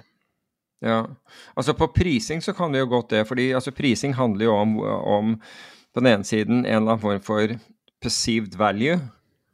mot, mot, mot, hvor prisingen er. ikke sant? Og det er klart at hvis de to tingene der skiller lag, eller altså distansen blir for stor, så er det jo bare et tidsspørsmål før, før det korrigerer mot en eller annen form for mean value.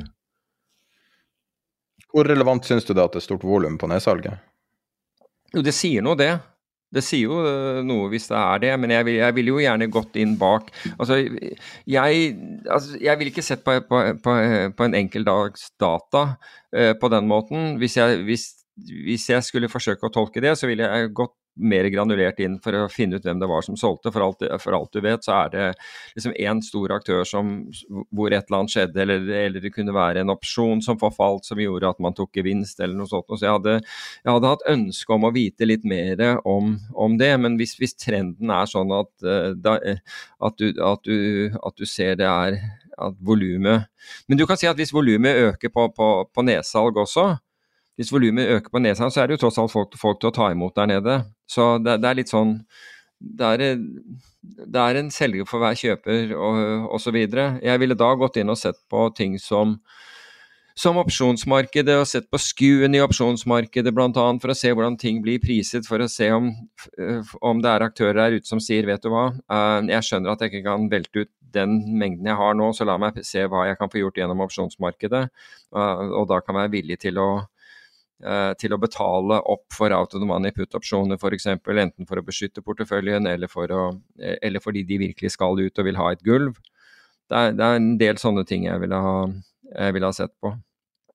Så, men, men, når det gjelder Nvidia, i det minste, da, så, så har du altså for, i, til, til, forskjell fra, fra uh, .com, hvor så ufattelig mange selskaper ikke bare hadde visjoner og ingen substans, så sitter du i hvert fall med, med Nvidia som faktisk produserer noe som bransjen, eller som i hvert fall som foreløpig som, som, alle trenger. Um, så jeg hadde liksom følt litt uh, Det betyr ikke at det ikke kan bli overpriset, men, men det betyr at det er, det er vesentlig mindre sannsynlighet at, at det går til null. Jeg, jeg, så folk flytte, altså nordmenn flytte til San Francisco for å så komme hjem noen måneder etter, og da var hele eventyret over. Altså når de flyttet over der, så var de mange, mange millionærer i dollar. Og så kom de tilbake igjen, og da var alt, altså drøm, alt borte. It was over. Så um, Men nå har vi internett, da, så det var ikke feil. Det var bare feil forretningsmodell. Litt sånn som Enron. Enron fant jo opp eh, Netflix. Enron fant opp AWS. Den var ja. bare tidlig. Ja. Jeg, jeg, står med det at Enron var et briljant selskap med en uh, helt åpenbart uh, moralsk feil i bunnen, men at de tingene de hadde som ideer, er jo det nå som basically de store driverne i spesielt IT. Ja, hva tenker du på da? AWS, for eksempel. Oh, altså uh, cloud-tjenester. De ja, fant jo det opp. Men ja. de kalte det å trade bredbånd. Det var mm. ikke helt modent. Man hadde ikke klart å tenke sånn ennå. Så, um, men det er det jeg mener at selv om de folkene dro til San Francisco da, det kan jo være at de, de kunne nyte godt av det senere. Nei, de, de, de jeg tenker på nå, er i helt an, andre virksomheter. Og er ikke, de er ikke innenfor teknologi i det hele tatt. Akkurat de jeg tenker på nå. Uh, men det betyr ikke at ikke andre er det. Men, men poenget der var at, var at, det var så mye drømmer. og Hvis du går tilbake igjen til da på en måte den IT-revolusjonen kom til Norge, eller kom til Norge, altså Norsk Data startet det, men så fikk du en hel haug av sånne selskaper som duk, dukket opp, Ican, Simex, alt mulig sånn som plutselig kom ut av ja, kom ut av, av intet og ble vanvittig overtegnet. ikke sant? Og så, Hvor hett var Norsk Data når det var... Norsk Data var veldig hett. Uh, absolutt. Men, men, Norsk Data leverte jo også sant, på, på det tidspunktet. Så, så, det var kjempehett. Men, men, det var disse andre selskapene som faktisk da ikke leverte noe særlig. De var jo mye hetere, fordi da hadde du, da hadde du liksom Norsk Data til å Da hadde Norsk Data banet vei, da. Og så plutselig dukker det opp masse sånne eh, selskaper med, med sånn tungebrekkende navn. For, eh, altså, med, altså bare bokstaver satt sammen, kasta sammen tilfeldig, med y-er og og, og, og, den type ting. Og, og det, det, var jo som gull, ikke sant. Altså, du, du, du, fikk jo ikke tegne deg i disse hvis du ikke var blant de beste kundene som meglerne hadde, og folk ble styrtrike over natt, og det var liksom ikke måte på. Det var en sånn Nei, men det var helt, det var helt sånn galskap. Altså, jeg husker, eh, jeg husker det var en presentasjon på SAS-hotellet. Og da ble da en, eh, en sånn datachip lagt, altså vist frem eh, og, på blå fløyel, og det var sånn speil i bakgrunnen og, og, og sånt noe. Og, og kobber, med kobbertrådene stakk ut, og jeg husker ikke hva Altså, du kunne Og folk sto Åh, det der var fem, Ikke sant. Altså, det, det var en plastvaffel med, med noen kobbertråder. Det var hva, hva det var. Men hvis det er norsk data, så var det framtida? Nei, det var ikke, det, dette var ikke norsk data. Norsk data holdt ikke på på den måten. Rolf Skaar var mye, mye mer sånn seriøs i for, forhold til hvordan han, hvordan han uh, gjorde. Det samme var finansdirektøren der. Men akkurat da så var det en sånn derre altså Den gangen det der på, på, på SAS-hotellet, og det var liksom litt røyk i rommet, og liksom Det var og, du, Altså, du kunne innbilt folk altså Det var ikke måte på hva du kunne innbille forsamlingen at den der plastvaffelen kunne finne på å gjøre, eller var i stand til å gjøre. Det var liksom helt sånn galskap. Og, nest, og, og så gikk det jo veldig mange år og helt frem til .com før du opplevde noe, noe, lignende. Og da var det jo akkurat det samme. Det var jo ingen grenser. Alt var verdt milliarder. Men kan jeg ta og slå et slag for uh, norsk IT-industri på 70- og 80-tallet? Mm. Sintran 2, som var et operativsystem for uh, sånn norsk datamaskin Nord 1 og Nord 10. Mm. Tim Berners-Lee lagde Enquire, som var det som var grunnlaget for World Wide Web på, den, på, det systemet på en sånn maskin. Wow. Sånn at norsk data har en veldig relevant plass i historien. Jo, men, og, men, det er mitt poeng også. Altså, Norsk Data var liksom den, den grunnleggende, seriøse eh, aktøren. Jeg husker jeg bare besøkte dem. De var eh, Hvor var det de holdt til da? Det var eh, forbi Manglerud, utover den veien der. Jeg husker ikke akkurat hva, men ganske fine lokaler. og jeg, mener, jeg var jo kjempeimponert av Norsk Data, jeg, for all del. Og, og ingen forkleinelse for, for, for, Norsk Data overhodet. Um, men det var mer de, de, alle de selskapene som kom i, plutselig begynte å dukke opp. Media Invest og alt det der. Plutselig liksom så var det Men vi gikk over. altså Det skjedde noe med, med eh, norsk finans på, akkurat på det, der, det, det, tidspunktet. Det gikk over Det ble slått inn et nytt gir, rett og slett. Ting forandret seg. Ble, ble litt mer internasjonalt.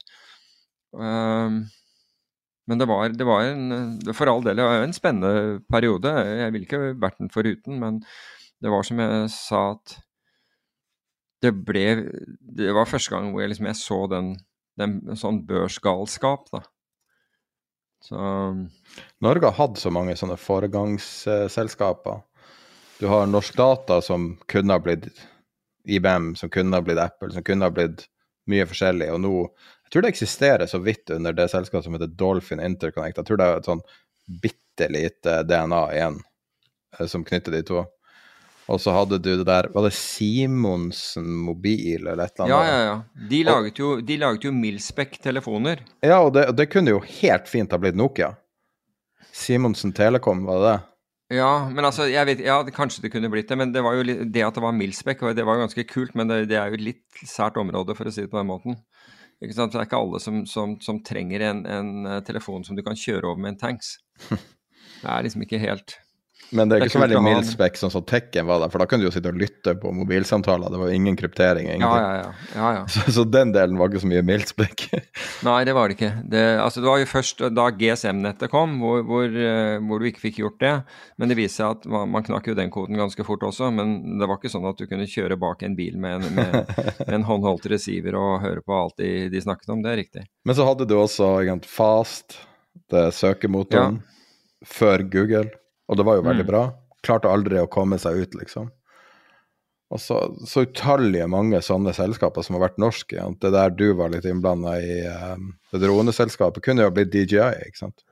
Ja, altså Prox, Prox, Dynamics? Ja, ja absolutt. Før altså, DJI var dem med de mikrodronene sine. Men igjen, Ja. Milspec. Men, men, men Prox, uh, altså, Prox henvendte seg til, til det profesjonelle markedet, altså til uh, politi type forsvar. Jeg tipper, jeg er ikke 100% men jeg tipper at du må ha NIUS-sertifikat for, for å få lov å kjøpe noen av de dronene. Men det, det var så langt fremme. Altså, jeg, jeg var der ute, fikk en demonstrasjon, og jeg, vet ikke om jeg har fortalt dette for, men i hvert fall en, han operatøren som da flyr den der, som har tidligere vært, eh, som har tidligere i, vært i beredskapstroppen, han flyr da den Vi driver og ser på en monitor, og han flyr dette her ut i Asker. Han flyr den ut og, og over motorveien og setter den der, og da kan du helt klart se alt som, som foregår. Og, og det er jo bare snakk om om du har skilte- skiltgjenkjennelsessoftware, ikke sant, så, så, så kunne du plukke, plukket ut eh, Eller bare ventet på den bilen du, du, du skulle, og, og så videre, og så fulgt den på den måten. Men, men i hvert fall så, så står jeg og snakker med han o- operatøren, så jeg, jeg flytter liksom blikket, fordi du klarer ikke å se den, du klarer ikke å se dronen over, over motorveien, du kunne bare se den på monitoren. Så står jeg og snakker med, med operatøren, og, så, så, og da hadde jeg akkurat vært inne og sett på produksjonen, og annet en, en kvinne som fortalte meg, hun drev og laget uh, propellbladene, slipte disse her og, og forklarte om disse her. Og så sier jeg til han eh, eh, liksom, hvor, hvor, lydløs, hvor lydløs er den egentlig? Altså hvor, hvor nær, nær kan den komme deg? Og så, sier, så, så smiler han og så sier han se til høyre, og så snur jeg meg, og da står den dronen rett ved siden av meg og ser, meg, og ser rett på meg. Og så sier jeg greit, det er eh, mottatt slutt. Da har, vi, da har vi svar på den. Da investerte jeg. Da visste jeg at dette her er Men, men jeg syns det var veldig synd. Jeg syns det var synd, for jeg mente at da det ble solgt, ble det solgt for tidlig. Og det er jo det amerikanske, altså FLIR, som, som kjøpte det opp, og jeg syns det ble, ble solgt altfor for tidlig. Ja, ja, det er jo, altså, det er jo hver sånn IT-startup. eh, Den første sjansen du har, så selger du det ut av landet. Jeg skjønner jo motivene. ikke sant? Cash ut fort, få det til. Men tenk deg Nettby, ikke sant? som et sånt selskap som på en måte aldri tok seg så seriøst som det kanskje burde ha gjort. Som en del av uh, Schibsted, eller jeg vet ikke akkurat hvordan eierstrukturen var, om det var under VG eller, eller direkte under Schib. Men uansett, det var jo når Facebook bygde seg opp. Ikke? De kunne jo ha valgt å bli til Facebook, men man valgte å bli til en liten norsk versjon. Og så hadde man flere sånne som til slutt bare ble lagt ned. Ja. Og altså, jeg har jo alltid ment at, at det er litt det norske måte, regelverket, fordi at det lønner seg ikke å bygge opp ting her. Hvis Mark Zuckerberg har bygd Facebook i Norge, tenk deg de skatteregningene han hadde fått før han hadde hatt en krone i omsetning. Det er snakk om milliarder i kroner i skatt Ja. på formuesskatt. Sånn at vi, vi, har, vi er ikke rigga for suksesser, så vi må selge. Du, vi har, altså man har ikke råd til å ha en suksess. Mm. Nei, det er, det, er, eh, det er mye i det, det, dessverre. Uh, ja. Og, og, og, og verre har det blitt. Så um, Og det skal man, det skal man tenke over. Jeg vet ikke hvordan det er. Jeg tror ikke de har formuesskatt i Finland, f.eks. Og tenk deg Nokia, hva det har betydd for finsk økonomi. Hva Eriksson har betydd for svensk økonomi. Hennes og Maurits, Ikea. Ikke sant? Hva det har betydd for, for nasjonaliteten til landet. Og de her formuen som eh, Nå husker jeg ikke hva de alle de familiene heter, men du vet nå de her eh, rike imperiene i, i Sverige som backer veldig mye ny teknologi, og du får og du får ting som eh, eh, som eh, Spotify, ikke sant. Og Ja. nå er jo ikke det akkurat så det mest profitable selskapet på jorda, men, men det er jo en enorm kulturell Mm. sak. Så, og når du ser alle de mulighetene Norge har hatt, det lille, bitte lille landet Norge, på å virkelig ta en plass i, i historien Starta med norsk data, liksom. Ja. Men nå, altså, nå registrerer jeg jo at man gjør, man, å si, man gjør en sånn selvransakelse uh, i regjeringen på liksom hva er det som gjør at, uh, at de har mistet så mye, eh, mye velgere. Og, men det, det, det jeg hører, da, det er jo at det er at de har vært de har, har ikke vært flinke nok til å kommunisere. Det er ingenting om det, det er tydeligvis, man, man trekker ikke noen deler av politikken i tvil og sier at kanskje vi gjorde noe som ikke var lurt. Kanskje det ikke var smart det vi gjorde, at vi kanskje vi burde gjøre ting om igjen. Um, så, og det forbauser meg, at man, man ser ikke på at kanskje politikken vi førte, at, at det var faktisk det. Nei, det en, vi, vi tror vi har et kommunikasjonsproblem. Man kanskje har det også, hva vet jeg, men eh, det virker jo eh, det virker jo liksom å skyve ting vekk fra seg, da. Ellers så, så, så verserer jo den, der, den debatten om hvorvidt det blir renteheving eller ikke i desember. Og så fikk vi, eh, var det vel detaljhandelstall i dag som, som var, var, forbausende sterke. Ikke sånn himla, men i hvert fall sterkere enn antatt. Um, jeg, men jeg driver da og lurer på, på og, og, hva ba, altså Jeg leser jo at tomater har liksom gått opp 30% på et år. altså det høres jo, Mens produksjonskostnadene har gått opp 4% så har de gått opp 30% i butikken. og da da forsvarer uh, butikkjedene seg med at ja, det er blitt mer kostbart med drivstoff og strøm. Og det har de jo selvfølgelig gjort, og de, de, de tingene kunne man jo ha kontrollert hvis man ønsket fra, fra myndighetenes side. Men en gladsak jeg hørte forleden dag, og det var, det var, noen som skulle Det var noen som hadde giftet seg i Polen. Vet du hvor de skulle ha bryllupet for å spare penger? Yes. Jeg vil ikke gjette. I shit you not. De skulle ha det i Norge. Europas Thailand. ja, men altså, gidder du, eller? What are the odds? Folk diskuterer jo å få euro nå uh, uten å være en del av EU. Hvordan det vil fungere, kan ikke jeg forstå. Men men uh, det er ganske desperat, uh, det som skjer nå. Man må få has på krona veldig snart, altså. Ja, det har, jo, det har jo blitt litt bedre, da. Med, med, dollarfallet har jo bidratt til at uh, Ja, ja, eh, men en liten nedtur i markedet. Ja, jeg, jeg, jeg, er enig i det. Jeg er enig i det, men det er i hvert fall bedre enn en det var. Men du kan si at det, det var da jeg, lurte på, liksom, er det der detaljhandelstallet er det fordi, fordi faktisk polakker og andre kommer over og, og betrakter Norge som Europas Thailand? Så da blir vi aldri ferdig med dette her, i hvert fall. Fra starten på 2022, altså etter litt, nesten to år, så er krona svekka seg 21% Ja. That's it. Der har du det. Der har du prisstigning. Tenk deg det, altså, ja, også for dollaren. ikke sant? Altså, bare tenk deg det. Altså, du, du merker det så utrolig godt når du er i utlandet, hvor dyrt det er.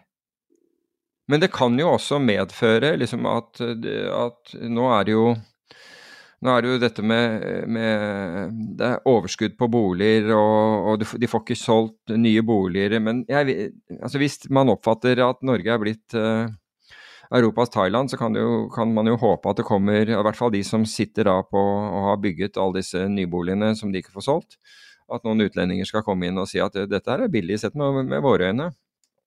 Uh, kanskje vi skal ta tak i noe av dette her. Så jeg vet ikke. Men uh, det, er synd, det, er, det, er synd, for nordmenn. 20 000 kunder ringte, var det SR Bank, tror jeg, for å forhandle på renta. Ja da, det betyr jo antageligvis at uh, at uh, sentralbordet hos DNB har, har kollapsa. Har du prøvd å ringe DNB? Synes jeg? Nei, jeg har ikke det. Det er nesten umulig å komme igjennom. Man har så mye sånn automatikk. That's my, that's my, point. Ja, men det er sånn automatikk så bare mente du det? Nei, jeg mente ikke det. Så det, det er, en, det er rykte som er at hvis du banner til den automatiske telefonsvareren, så plukker den opp det og sender deg videre direkte, sånn at du Men uh, wow. jeg hater sånn automatikk, ass. Forresten, uh, hva du syns om at Jeff Bezos driver og dumper aksjer nå? Du vet hva det sist han solgte aksjer? Ja, du, du, du nevnte jo Var kanskje ikke han du nevnte sist, eller? Altså november 2021, hvis du går tilbake og hører en episode vi hadde da, så uh, sa jeg at uh, er det ikke litt urovekkende at Elon Musk og Jeff Bezos plutselig begynner å selge aksjer? Det var toppen av markedet. Kan jo håpe at de har uh, tenkt å kjøpe norsk eiendom. Tror du Jeff Bezos sitter på mye konsumerdata? Hele Amazon, han kan sikkert se alt. Mm. Kan du tenke deg hvordan visibilitet han har på den amerikanske psyken? Ja, jeg, jeg tipper at han, uh, at han ser det som det som er. Men, uh, men mens vi er inne på Jeff Bezos, jeg er ikke helt sikker på hva slags bil han kjører, men uh, den, den artikkelen Alle.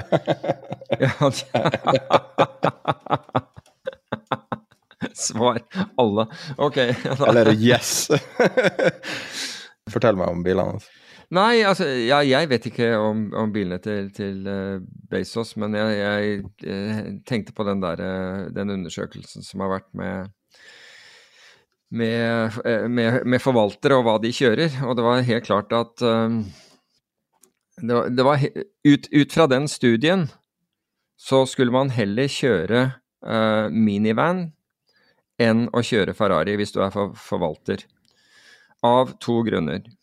De forvalterne som kjørte Ferrari, de hadde 2,92% mindre avkastning eh, eh, i året. Altså lavere avkastning enn en markedet. Ikke bare det, men det kan jo også være to sider av samme sak. De hadde også mindre penger til, eh, til, til forvaltning. Så det er jo en, eh, en greie i seg selv. Mens de som kjørte minivans, altså for da var det altså hva, hva, skal du kjøre? Hva slags bil skal du kjøre? Og minivans, det er kanskje ikke så populært i, eh, i, i Norge. Uh, med mindre du ser på Freder, der ser det ut som alle kjører minivans. Men, men de, de hadde en, en, en return, eh, avkastning, som var på 3,3% over snittet. Altså over indeks. Så, um, så, Men det er jo en grei måte å, å, å, finne det ut på. Så jeg tenker hvor vanskelig det er egentlig for, um, for investorer å velge riktig forvalter, fordi alle ser på historiske resultater, men vet, du vet ikke om det er den forvalteren som har vært, i hvert fall i mange tilfeller, vært ansvarlig for det osv. Men du kan se da på, eh, på, på, på, faktisk hva de gjør. Så har du sånne som Thomas Nilsen, da, som selger huset sitt og, og plasserer pengene sine i, eh, i, i, eh, i eget fond. Det, må, det, er jo Altså, en større commitment kan du vel neppe kan du vel neppe Eller tillitserklæring kan du vel neppe gi eller commitment. Og ikke bare det, men det har gått veldig bra siden han gjorde det, av, av, hva jeg kunne lese. Så det var en bra sak. Men det er, altså det er jo ikke første gang det har vært skrevet bøker om dette eh, tidligere, og den ene het uh, 'Where are all the customers' yachts'? Um, og dette er jo ikke noe annet enn det derre vi har Altså med andre ord at det var, det var investment bankers og meglere og, og sånt som hadde de, de, største båtene og de, største, de feteste bilene og hele den biten der. Og det er jo, det er jo helt i tråd med det vi ser her også, for så vidt. Fordi, og, og hvor, hvor, pengene ligger. Altså pengene ligger i å være mellommenn, og ikke være de som tar risiko. Jeg er litt uenig med den utgangspunktet. Jeg tror snarere det at de liker å bruke penger. At folk som sitter med hovedstolen, er interessert i å ha eh, arbeidende kapital, ikke noe eh, luksusfjas. Um, ja, hva mener du da? Forklar meg. Folk jeg kjenner som har jobba i bank, der du faktisk ser hva folk faktisk har, ja. sier at hvis du har fin bil, så har du ingen penger. Aha. Altså, luksusbil betyr masse, masse gjeld. Folk som kjører. Ferrari, Lamborghini, og jeg sier ikke at det er en absolutt regel, men folk Altså, jeg sjekka det med flere bankansatte flere steder i landet, og det virker å være nesten en regel. Men du, har du sett bilparken til uh, noen av de topp meglerhusene i Oslo? Nei. Nei. Jeg tror ikke disse Det virker ikke sånn ja, Nå vet ikke jeg gjeldssituasjonen deres. Men jeg så en kar som park, parkerte Bentleyen sin på, på uh, ulovlig, altså sånn Bare satt den der. Og uh, satt da på kafeen innenfor og så uh, parkeringsvakten komme og bare vinket til vedkommende. Ga helt beng. Couldn't care less. Så Men det var jo han der, nå skal jeg anonymisere han, men det var jo en kjent næringslivsleder som parkerte Bentleyen sine rundkjøringer på Aker Brygge hver dag. Det var det som var ryktet, i hvert fall. Og så fikk liksom eh, to-tre bøter hver eneste dag, og det bare ble automatisk betalt. For det var nærmeste liksom, til kontoret. I stedet for å stå i parkeringshuset. Nå har jeg aldri sett det sjøl, så det kan være bare et rykte. Men... Nei, altså jeg hadde kontoret på Aker Brygge mange år, jeg så aldri det der. Jeg, jeg kjørte gjennom rundkjøring der hver eneste dag. Så, men, eh, men Du kjørte ikke... ned på den rundkjøringa med den kafeen der? Uh, kafeen? Nei, det er der jeg mener. Altså ned på, på forsida. Altså ned med, Eh, med helt ferga der. mot Vestba. Ja, men der er det ikke, der er ikke Altså, den rundkjøringen der er, altså, den er jo, det er jo bare en Altså, Den kan du kjøre rett over hvis, hvis det er det om å gjøre. Men eh, nei, men eh, du kan si at eh, da jeg hadde kontoret ved siden av rådhuset, så parkerte jeg på Aker Brygge, og så gikk jeg forbi der hver dag. Så heller ikke det da heller. Så, så jeg tror at det der er en sånn der eh, vandrehistorie mer, mer enn noe annet. Sikkert. Um, Poenget mitt er at å hige etter luksusbil er ikke nødvendigvis bare en positiv ting. Og folk som er, folk som er genuint rik vil jo ofte ikke ha så mye oppmerksomhet. Fordi at det er ofte negativ oppmerksomhet. Sånn, Ja. sånn type oppmerksomhet det resulterer Men- men jo stort sett i at du blir stoppa av politiet. ikke sant? Ja, altså jeg tror det, ja, altså For mange år siden så var det defi- definitivt sånn negativ oppmerksomhet, måte, men i dag så tror jeg den norske bilparken er så heftig at, uh, at det, skal være ganske fett, tror jeg. Altså, eller det er klart, hvis du kjører en Ferrari som, som høres ut som man går på fri eksos, så, så snur folk seg, men annet enn det så skal det jo noe til at folk snur seg. Du skal ha ganske ekstrem bil da, tror jeg. Det er 59 Bentley til salgs akkurat nå. 45 Aston Martiner. Jesus. 103 Ferrarier. Tuller du? Tresifra Ferrari. Ok, I stand I, 43 Lamborghinier. I stand corrected. Um, 639 Land Rover. Det var ikke det beste, men det er et høyt tall. Ja. Det er vel faen får du forsvaret. solgt en Lamborghini? Jeg fatter. Hvem er det som er kjøperen av det? Jeg vet Brukt ikke. Jeg, Lamborghini, hva du jeg har ikke peiling. Men uh, det, det, jeg aner meg at når du kommer og skal ta service på den, så, så koster det over 2000 kroner. Det koster jo 20 000 kroner å skifte olje på noe enkelt av det bilen. Ja, det vil jeg tro. Og da, og da, Ja. Det- Den samme Maybachen har vært til salgs på Finn nå i sikkert fem år. Oh, wow. Én. 13 Rolls Roycer. Det er ganske syke tall, det her, altså. Ja, men da Det er ikke bare gamle heller. altså. Det er de der Kulinan og de her svindyra. ja. 5,6 millioner. Men jeg tror ikke det er veldig mye altså utover uh, meglere og advokater som kjøper biler til 3-4-5 millioner kroner. Altså. Men eh, de andre er, er muligens uh, gjeldsofre. Men, po men poenget mitt er at eh, jeg går jo på dette her med med at det, er, at det ofte er at, det, det er at man har rigget seg sånn at det er mellommannsfunksjonene rådgiverne, konsulentene, alle all disse her som, som, tjener, som tjener de store pengene. Og risikotagerne, de, eh, de til, til, tider har de hatt det ålreit, men liksom i det siste så har jo de blitt dengt ned med så mye skatt at det er ikke ja, At, at de, de mis, du mister hele driven til å, til å gjøre noe ut ifra Norge. Jeg har funnet en god deal til deg. Du trenger en, uh, en SUV med henger, var det ikke det? Jeg trenger ikke en SUV med henger, jeg har Nei, en henger. til å dra henger, mener jeg. Ja. Eh, men 1,2 millioner. Men en Hummer H1, altså mil, mi, Ja. apropos mildspekk ja.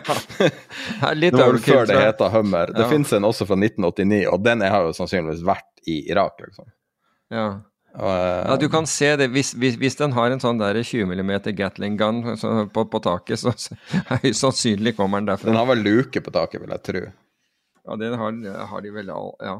Altså, da er det, den, da er det før den heter Hummer, når den heter Humvee. Ja, det er eh, Men den tror jeg kan fint dra hengeren. Kanskje Den- den jeg- skinke kjøtt ned den trange veien der. Ja, det, det Kommer Ja, de er bort i brede. uh, Ja, inngangspartiet sånn- til dine celebre naboer. Ja, nettopp. Ja, det ja, det kan, det kan være en utfordring. På en annen side så hører du ikke, hører du ikke hvis du kommer borti ting med de der, tenker jeg. Det, det er, eh, så, så det går helt greit. Jeg sitter og leter om eh, det har luke på taket eller ikke. For det. Nei, den har ikke, det må du lage sjøl, da. Den har ikke luke. Virkelig? For du må jo kunne komme opp og Ja, det må du inspisere. ha. Ja, ja. Ja. Vet du, altså hvis du har en, mini, en minivan, så on average så forvalter du 1,95 milliarder dollar. Det er faktisk hele Altså det vil si at de uten De er ikke oppe i milliarden engang. De, har, det er 70, de, de forvalter 73 millioner dollar i snitt. Så 73, Hvis du skulle ha Ferrari, så er det 73 millioner dollar. Det er jo penger, det òg. Det er jo altså 750 eller mer eh, millioner kroner, kontra da å ha over to milliarder til, eh, godt over to milliarder til, til forvaltning, hvis du har en minivan. Men minivan er jo egentlig ikke et norsk format. Jeg søker på kombi femdørs, det er vel kanskje det nærmeste. Hvis du gidder å sjekke minivan som kan dra, kan dra hestehenger, så, jeg, så, så, så, er jeg tager, for å si det på den måten. Men, altså, Norge er jo et sånt klassisk sett stasjonsvognland. Er ikke det blitt et sånn uh, SUV-land nå? Jo, det virker sånn. På, på bruktbilsalget er det den største kategorien nå. Mm. Minivan, det er liksom Volkswagen Toran, det er en minivan, er det ikke det? Eller skal den måne ha skyvedør, altså? Det er jeg ikke sikker på. Jeg, jeg må innrømme ikke godt uh, versert i, uh, i, i, minivaner, men uh, jeg har registrert at det fins noen elektriske som ser ålreit ut. Men altså, sport car owners manage an average of 515 million dollars, altså 515 millioner dollar. Og det er 303 millioner less than the average hedge fund manager without a sports car. Så hvis du er hedgefondforvalter, da skal du i hvert fall bli kvitt eh, sportsbilen din. altså Det er helt klart. Fikk du med deg han karen som fikk 55 millioner dollar av eh, Netflix, og så treide han bort alt sammen, og så treide han opp noe der også? Nei, fikk, han fikk 55 millioner dollar av Netflix. Det er helt sykt at du bare får det cash når du skal lage Hvor mye hadde han sett på? Han har laga én film, og det er kjent som å være en av de dårligste Altså, det er den største kommersielle floppen, tror jeg, noensinne. Og så fikk han likevel 55 millioner dollar, og så bare gambla han det bort i, i uh, finans. Og så klarte han å tjene noe av det tilbake igjen, og nå er det jo for helvete løs. Ja, men der kan du tenke deg, der er noen, her er det noen meglere og advokater som er dritglade. Altså, de, de, pengene gikk ikke til ikke noe. Det er jeg helt sikker på. Da men så tradet han alt bort. Det var jo synd. Ja. Men jeg syns den der studien var, var, interessant. Den var jo en institutional investor, den studien over, uh, over uh, bilene til, til forvaltere. Så, men det har vært sånn hele altså det, Som jeg nevnte, uh, 'Where All The Customer Yachts' var en bok, men jeg mener at det kom en, var en annen bok også som enten del en studie som som eh, bekreftet eh, eh, Eller som har hatt det samme, samme tema. Og det tror jeg er fordi Altså, vi Jeg vet ikke. Det er et tegn på at man, man, mister fokus, eller et eller annet sånt. Har du lyst til å miste nattesøvnen?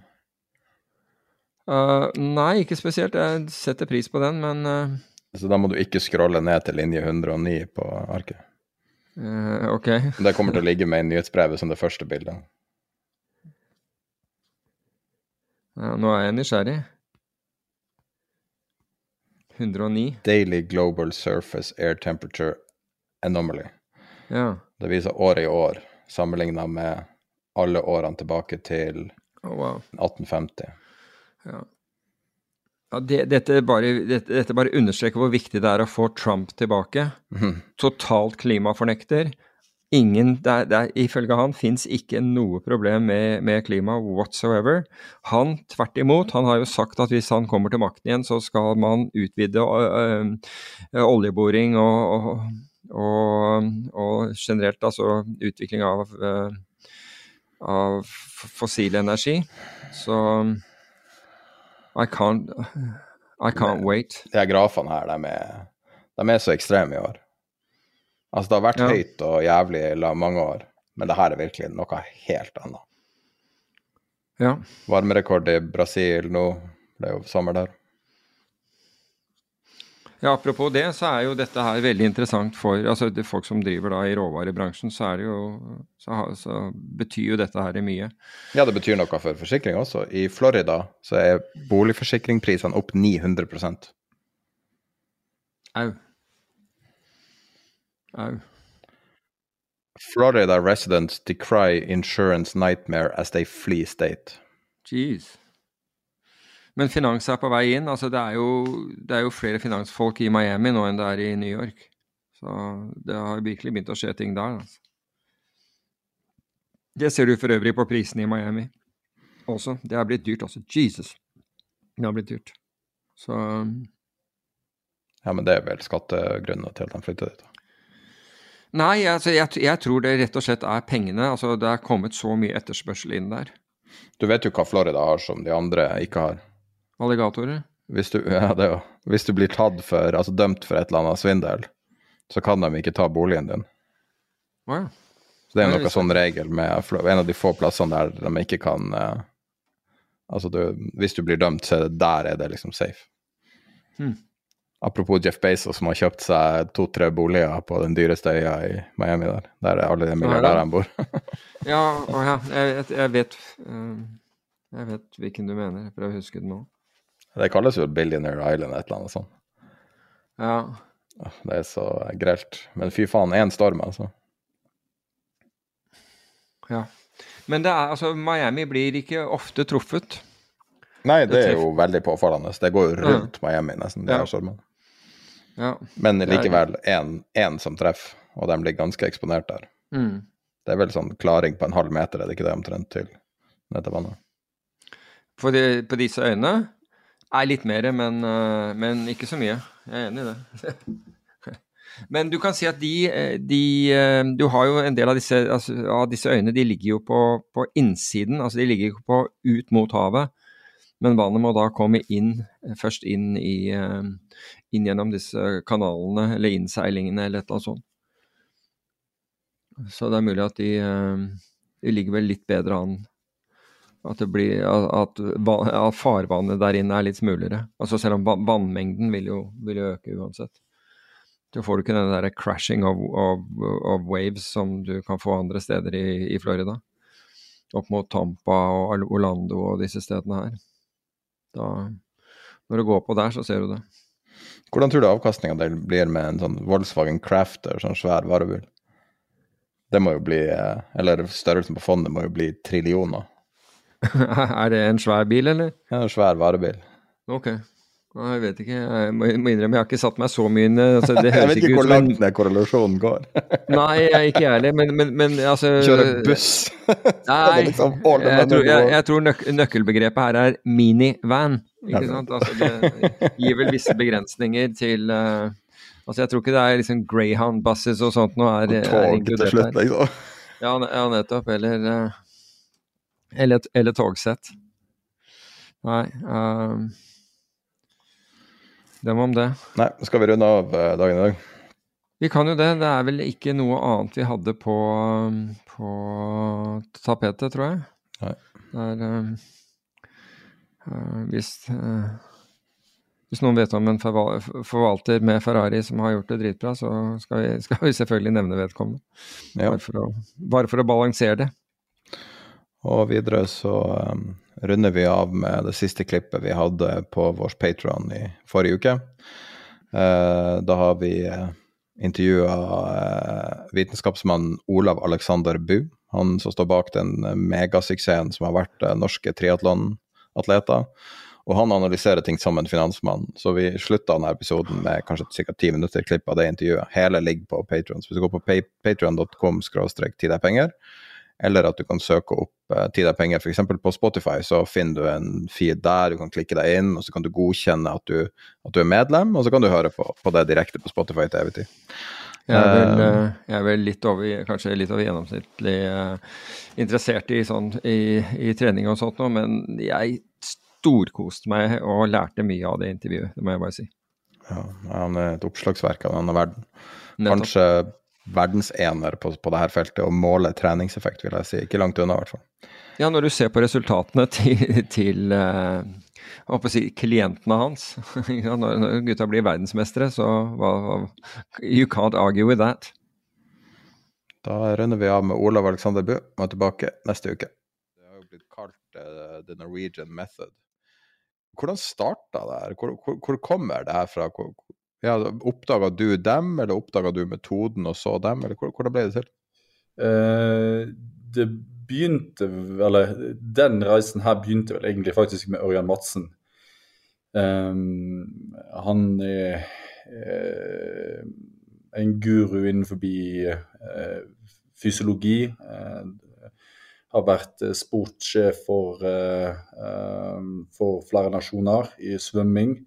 Eh, treneren til Eirik Verås Larsen, eh, som har tatt eh, OL-gull. Og jeg vet ikke hvor mange, mange OL-medaljer han har bidratt til, men jeg tror det beløper seg til mm, ja, godt over 100. Eh, men uavhengig av det Jeg det, jeg hadde et vendepunkt i livet mitt i 2011, der jeg mista en del familie. og før det så hadde jeg drevet med egentlig kanskje litt, eller det som jeg vil definere meg som eksplosiv idrett og eh, styrketrening osv. Jeg var aldri særlig glad i utholdenhetstrening. Og så har jo, er jeg vokst opp en plass som, der Norseman eh, går. Så når jeg eh, da bestemte meg for at nå må jeg, jeg, må, eh, jeg må begynne med Eller jeg vil eller utholdenhetstrening. Så jeg, jeg, er veldig, jeg, er veldig, fascinert av ting som er ekstremt. Uh, på det tidspunktet altså, visste jeg ikke om så veldig mye mer ekstremt innenfor utholdenhetsidrett enn en, um, Norseman. Så dermed så tenkte jeg at ok, det, um, siden det er um, rett uh, si det, eller det er i vår kommune, eller den kommunen som jeg vokste opp i, så tenkte jeg at ok, fint, da begynner vi med det. Og så eh, tilfeldigvis hadde jeg, en, hadde jeg og Ørjan en felles bekjent som setter meg i kontakt med Ørjan.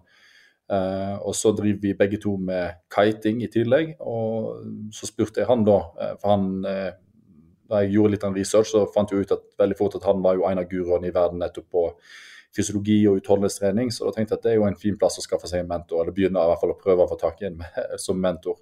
Så mm, vi jobba i dag en del år framover der han tok meg med på en utdannelsesreise innenfor fysiologi. Eh, og så um, uh, ja, var det vel at uh, på et eller annet tidspunkt så sa han til meg at, at han ville at jeg skulle komme inn og hjelpe til på triatlon, eller jobbe med triatlon.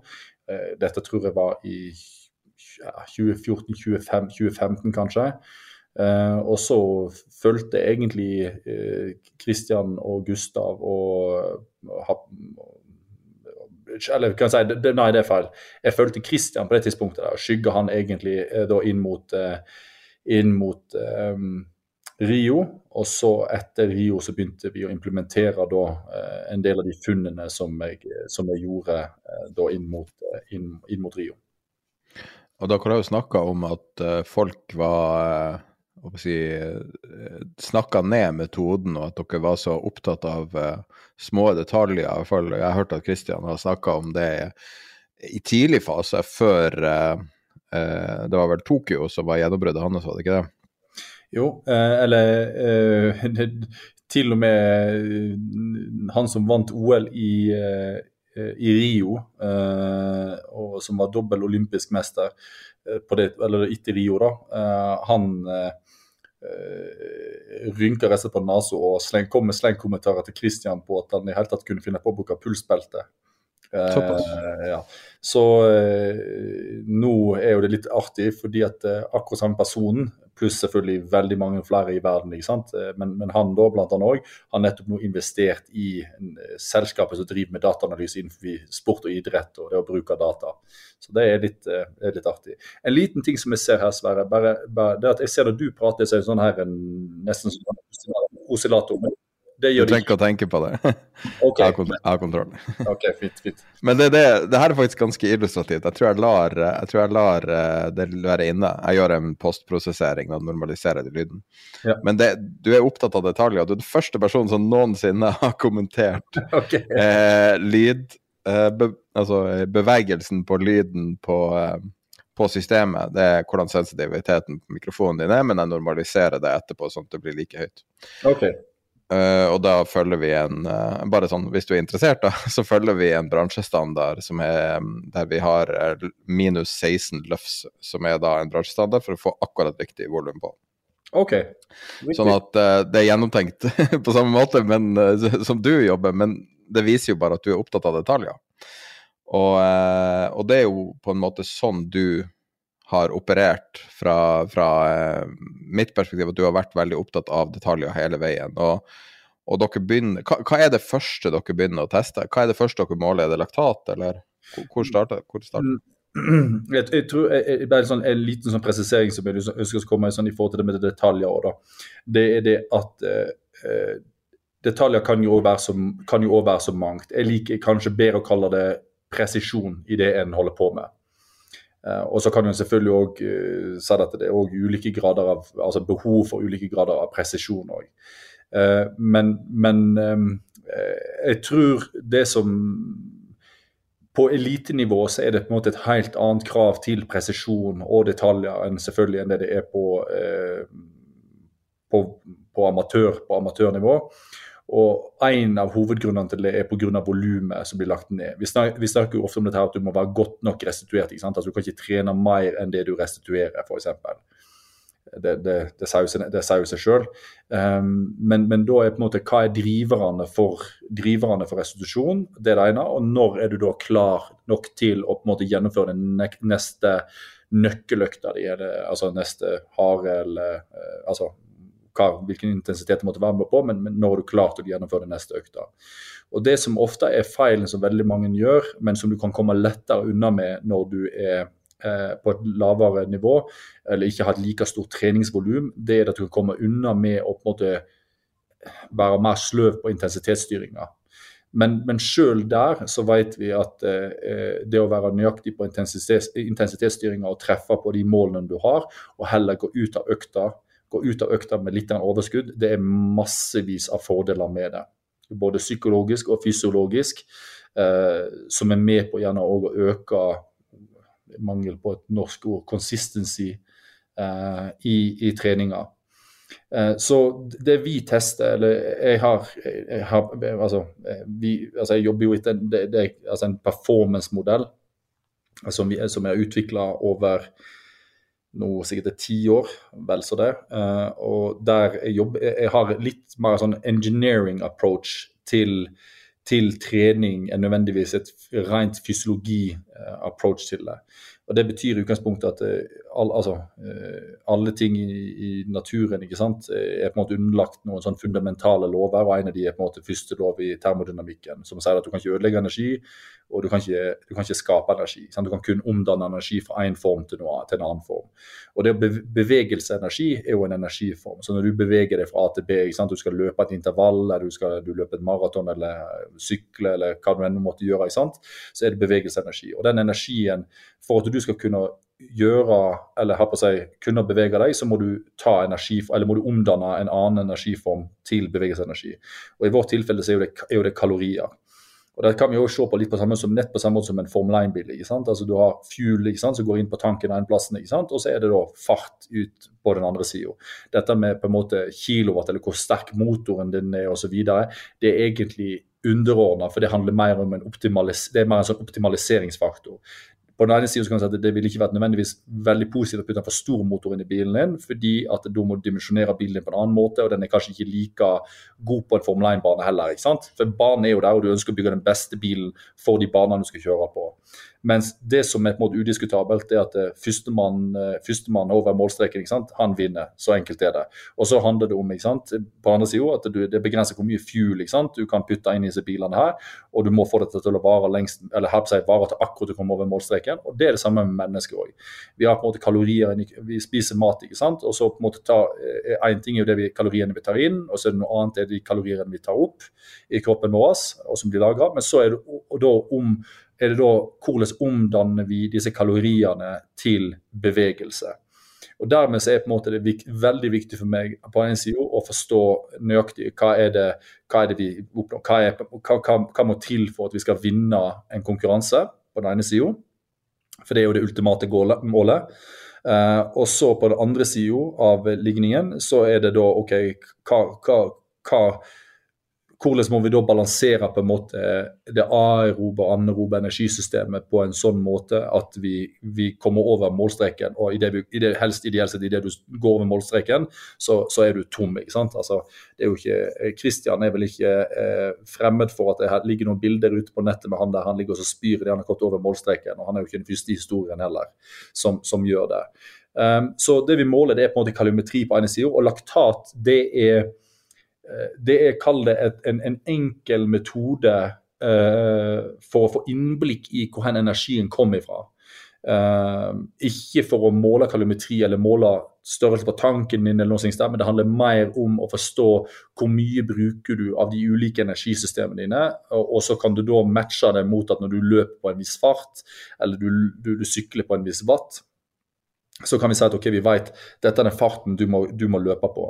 Eh, F.eks. For, for å, å, være i posisjon til å vinne. Og Hvis vi da ser for her at laktatkonsentrasjonen, og så er det massevis av eh, selvfølgelig eh, komplikasjoner rundt dette, her, men, men, i enkleste form så kan du si at når du da ser på laktatkonsentrasjonen, eh, så vil jeg med alle de målene vi gjør, så kan jeg nesten si at ok, greit, her ser jeg at her må vi da vet jeg at ok, greit, her, hvis jeg ser at dette her er trenden opp på de to-tre neste øktene, da må vi kanskje gjøre noen justeringer i øktene dine her for å på en måte sørge for at den tanken som du har, altså så stor som tanken er, så mye karbohydrater du har i kroppen din, ikke sant, i forhold til den motoren du har, så må vi justere den sånn at uh, du nettopp er i posisjon til å kunne løpe um, løpe eh, sånn at du vinner, eh, eller at, ja, at, du kan holde den farten vi trenger for å vinne eh, over målstreken.